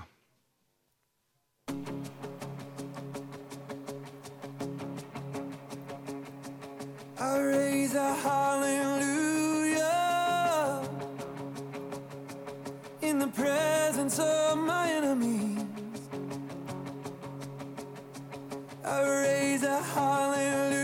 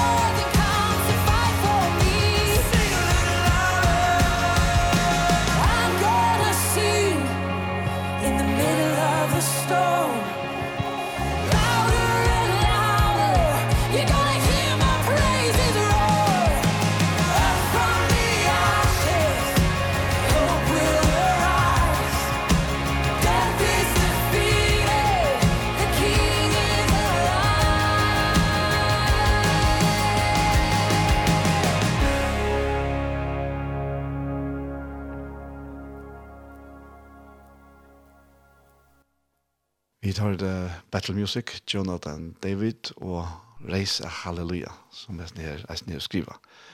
Og hette sendte ikke vi i veien, og verster Daniel, og gjesten kommer er Anna Dam, og vi er ferdig, og norskast enda noen Anna. Mm.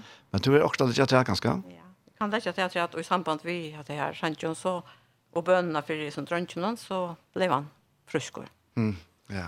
Så, ja, det hjelper at jeg blir. Og prøyser herren. Og prøyser herren, ja. Og så kan jeg huske kanskje til som jeg hører med att at du du bara ber vecka alla stanna. kan jag tänka att vi vi er så det. Fast vi hjemme. Ja, vi hjemme. Jo, jeg vil vi är nok hjemme. Og her vi låter jo i i mig ska tänka när eh vi är klara og en av tog var en som er frukistan sore, her var jeg møte, og imskom bøna bolkon, og hvis jeg utfører kjipa for omkron, så ble jeg sin røyna stola tøy. Og Sion, eh, nå er så David og Herti flott sår etter, så her er så rekkelt møte etter. Annars er vi omkron over byen av oss, og vi forresten her noen, og omkron i Magnus hos Novaie. Ja, og akkurat nå er det en parter av Krist og Fridom som er største av i Sore. Ok. Så det er forskjellig eisen gang for Sore. Ja. Ja. Det var det godt. Det er bare fint, ja. Ja. Yes. Så Anna, jeg tenkte på om du kunne begynne på en sammen, Jakob. Ja. Jo, så jeg helst nedan. Det er ordentlig godt, ja. Jeg går på himmelen, og jeg takker deg for hele mødelen, som dere har, ja, da kunne oppletta ditt navn, og jeg var fralse til å gjøre det. Takk deg for dere land som dere bygger i. Takk deg for alt det rykdommer som dere eier, og bare be deg om at dere Du hjelper dere ikke å glemme at det er som trøntja. Og jeg bare blir deg at du sikner henta boi, du sikner dere land, du sikner det som færa lorsta, og jeg bare blir det om at det, det som dere har dalt her, det som vi skjønner, at det skal nå gjørsene, og det skal skapa lov i de gjørsene som lorsta. Herre, jeg bare takker deg for at din sikning er så stor, og din nøye er så stor, og din goska er er så stor mot jokon, at åker hava bare kunne bare si halleluja og prysa til her. Her er jo bare sikna eisen heter her, verste hepaet, og versk rundt han om alle stedene som røyner at litt av tøytna han opp her. Og her er bare takket deg for at du sier selv at om du er litt opp så skal du dreja mennesker til tøyen.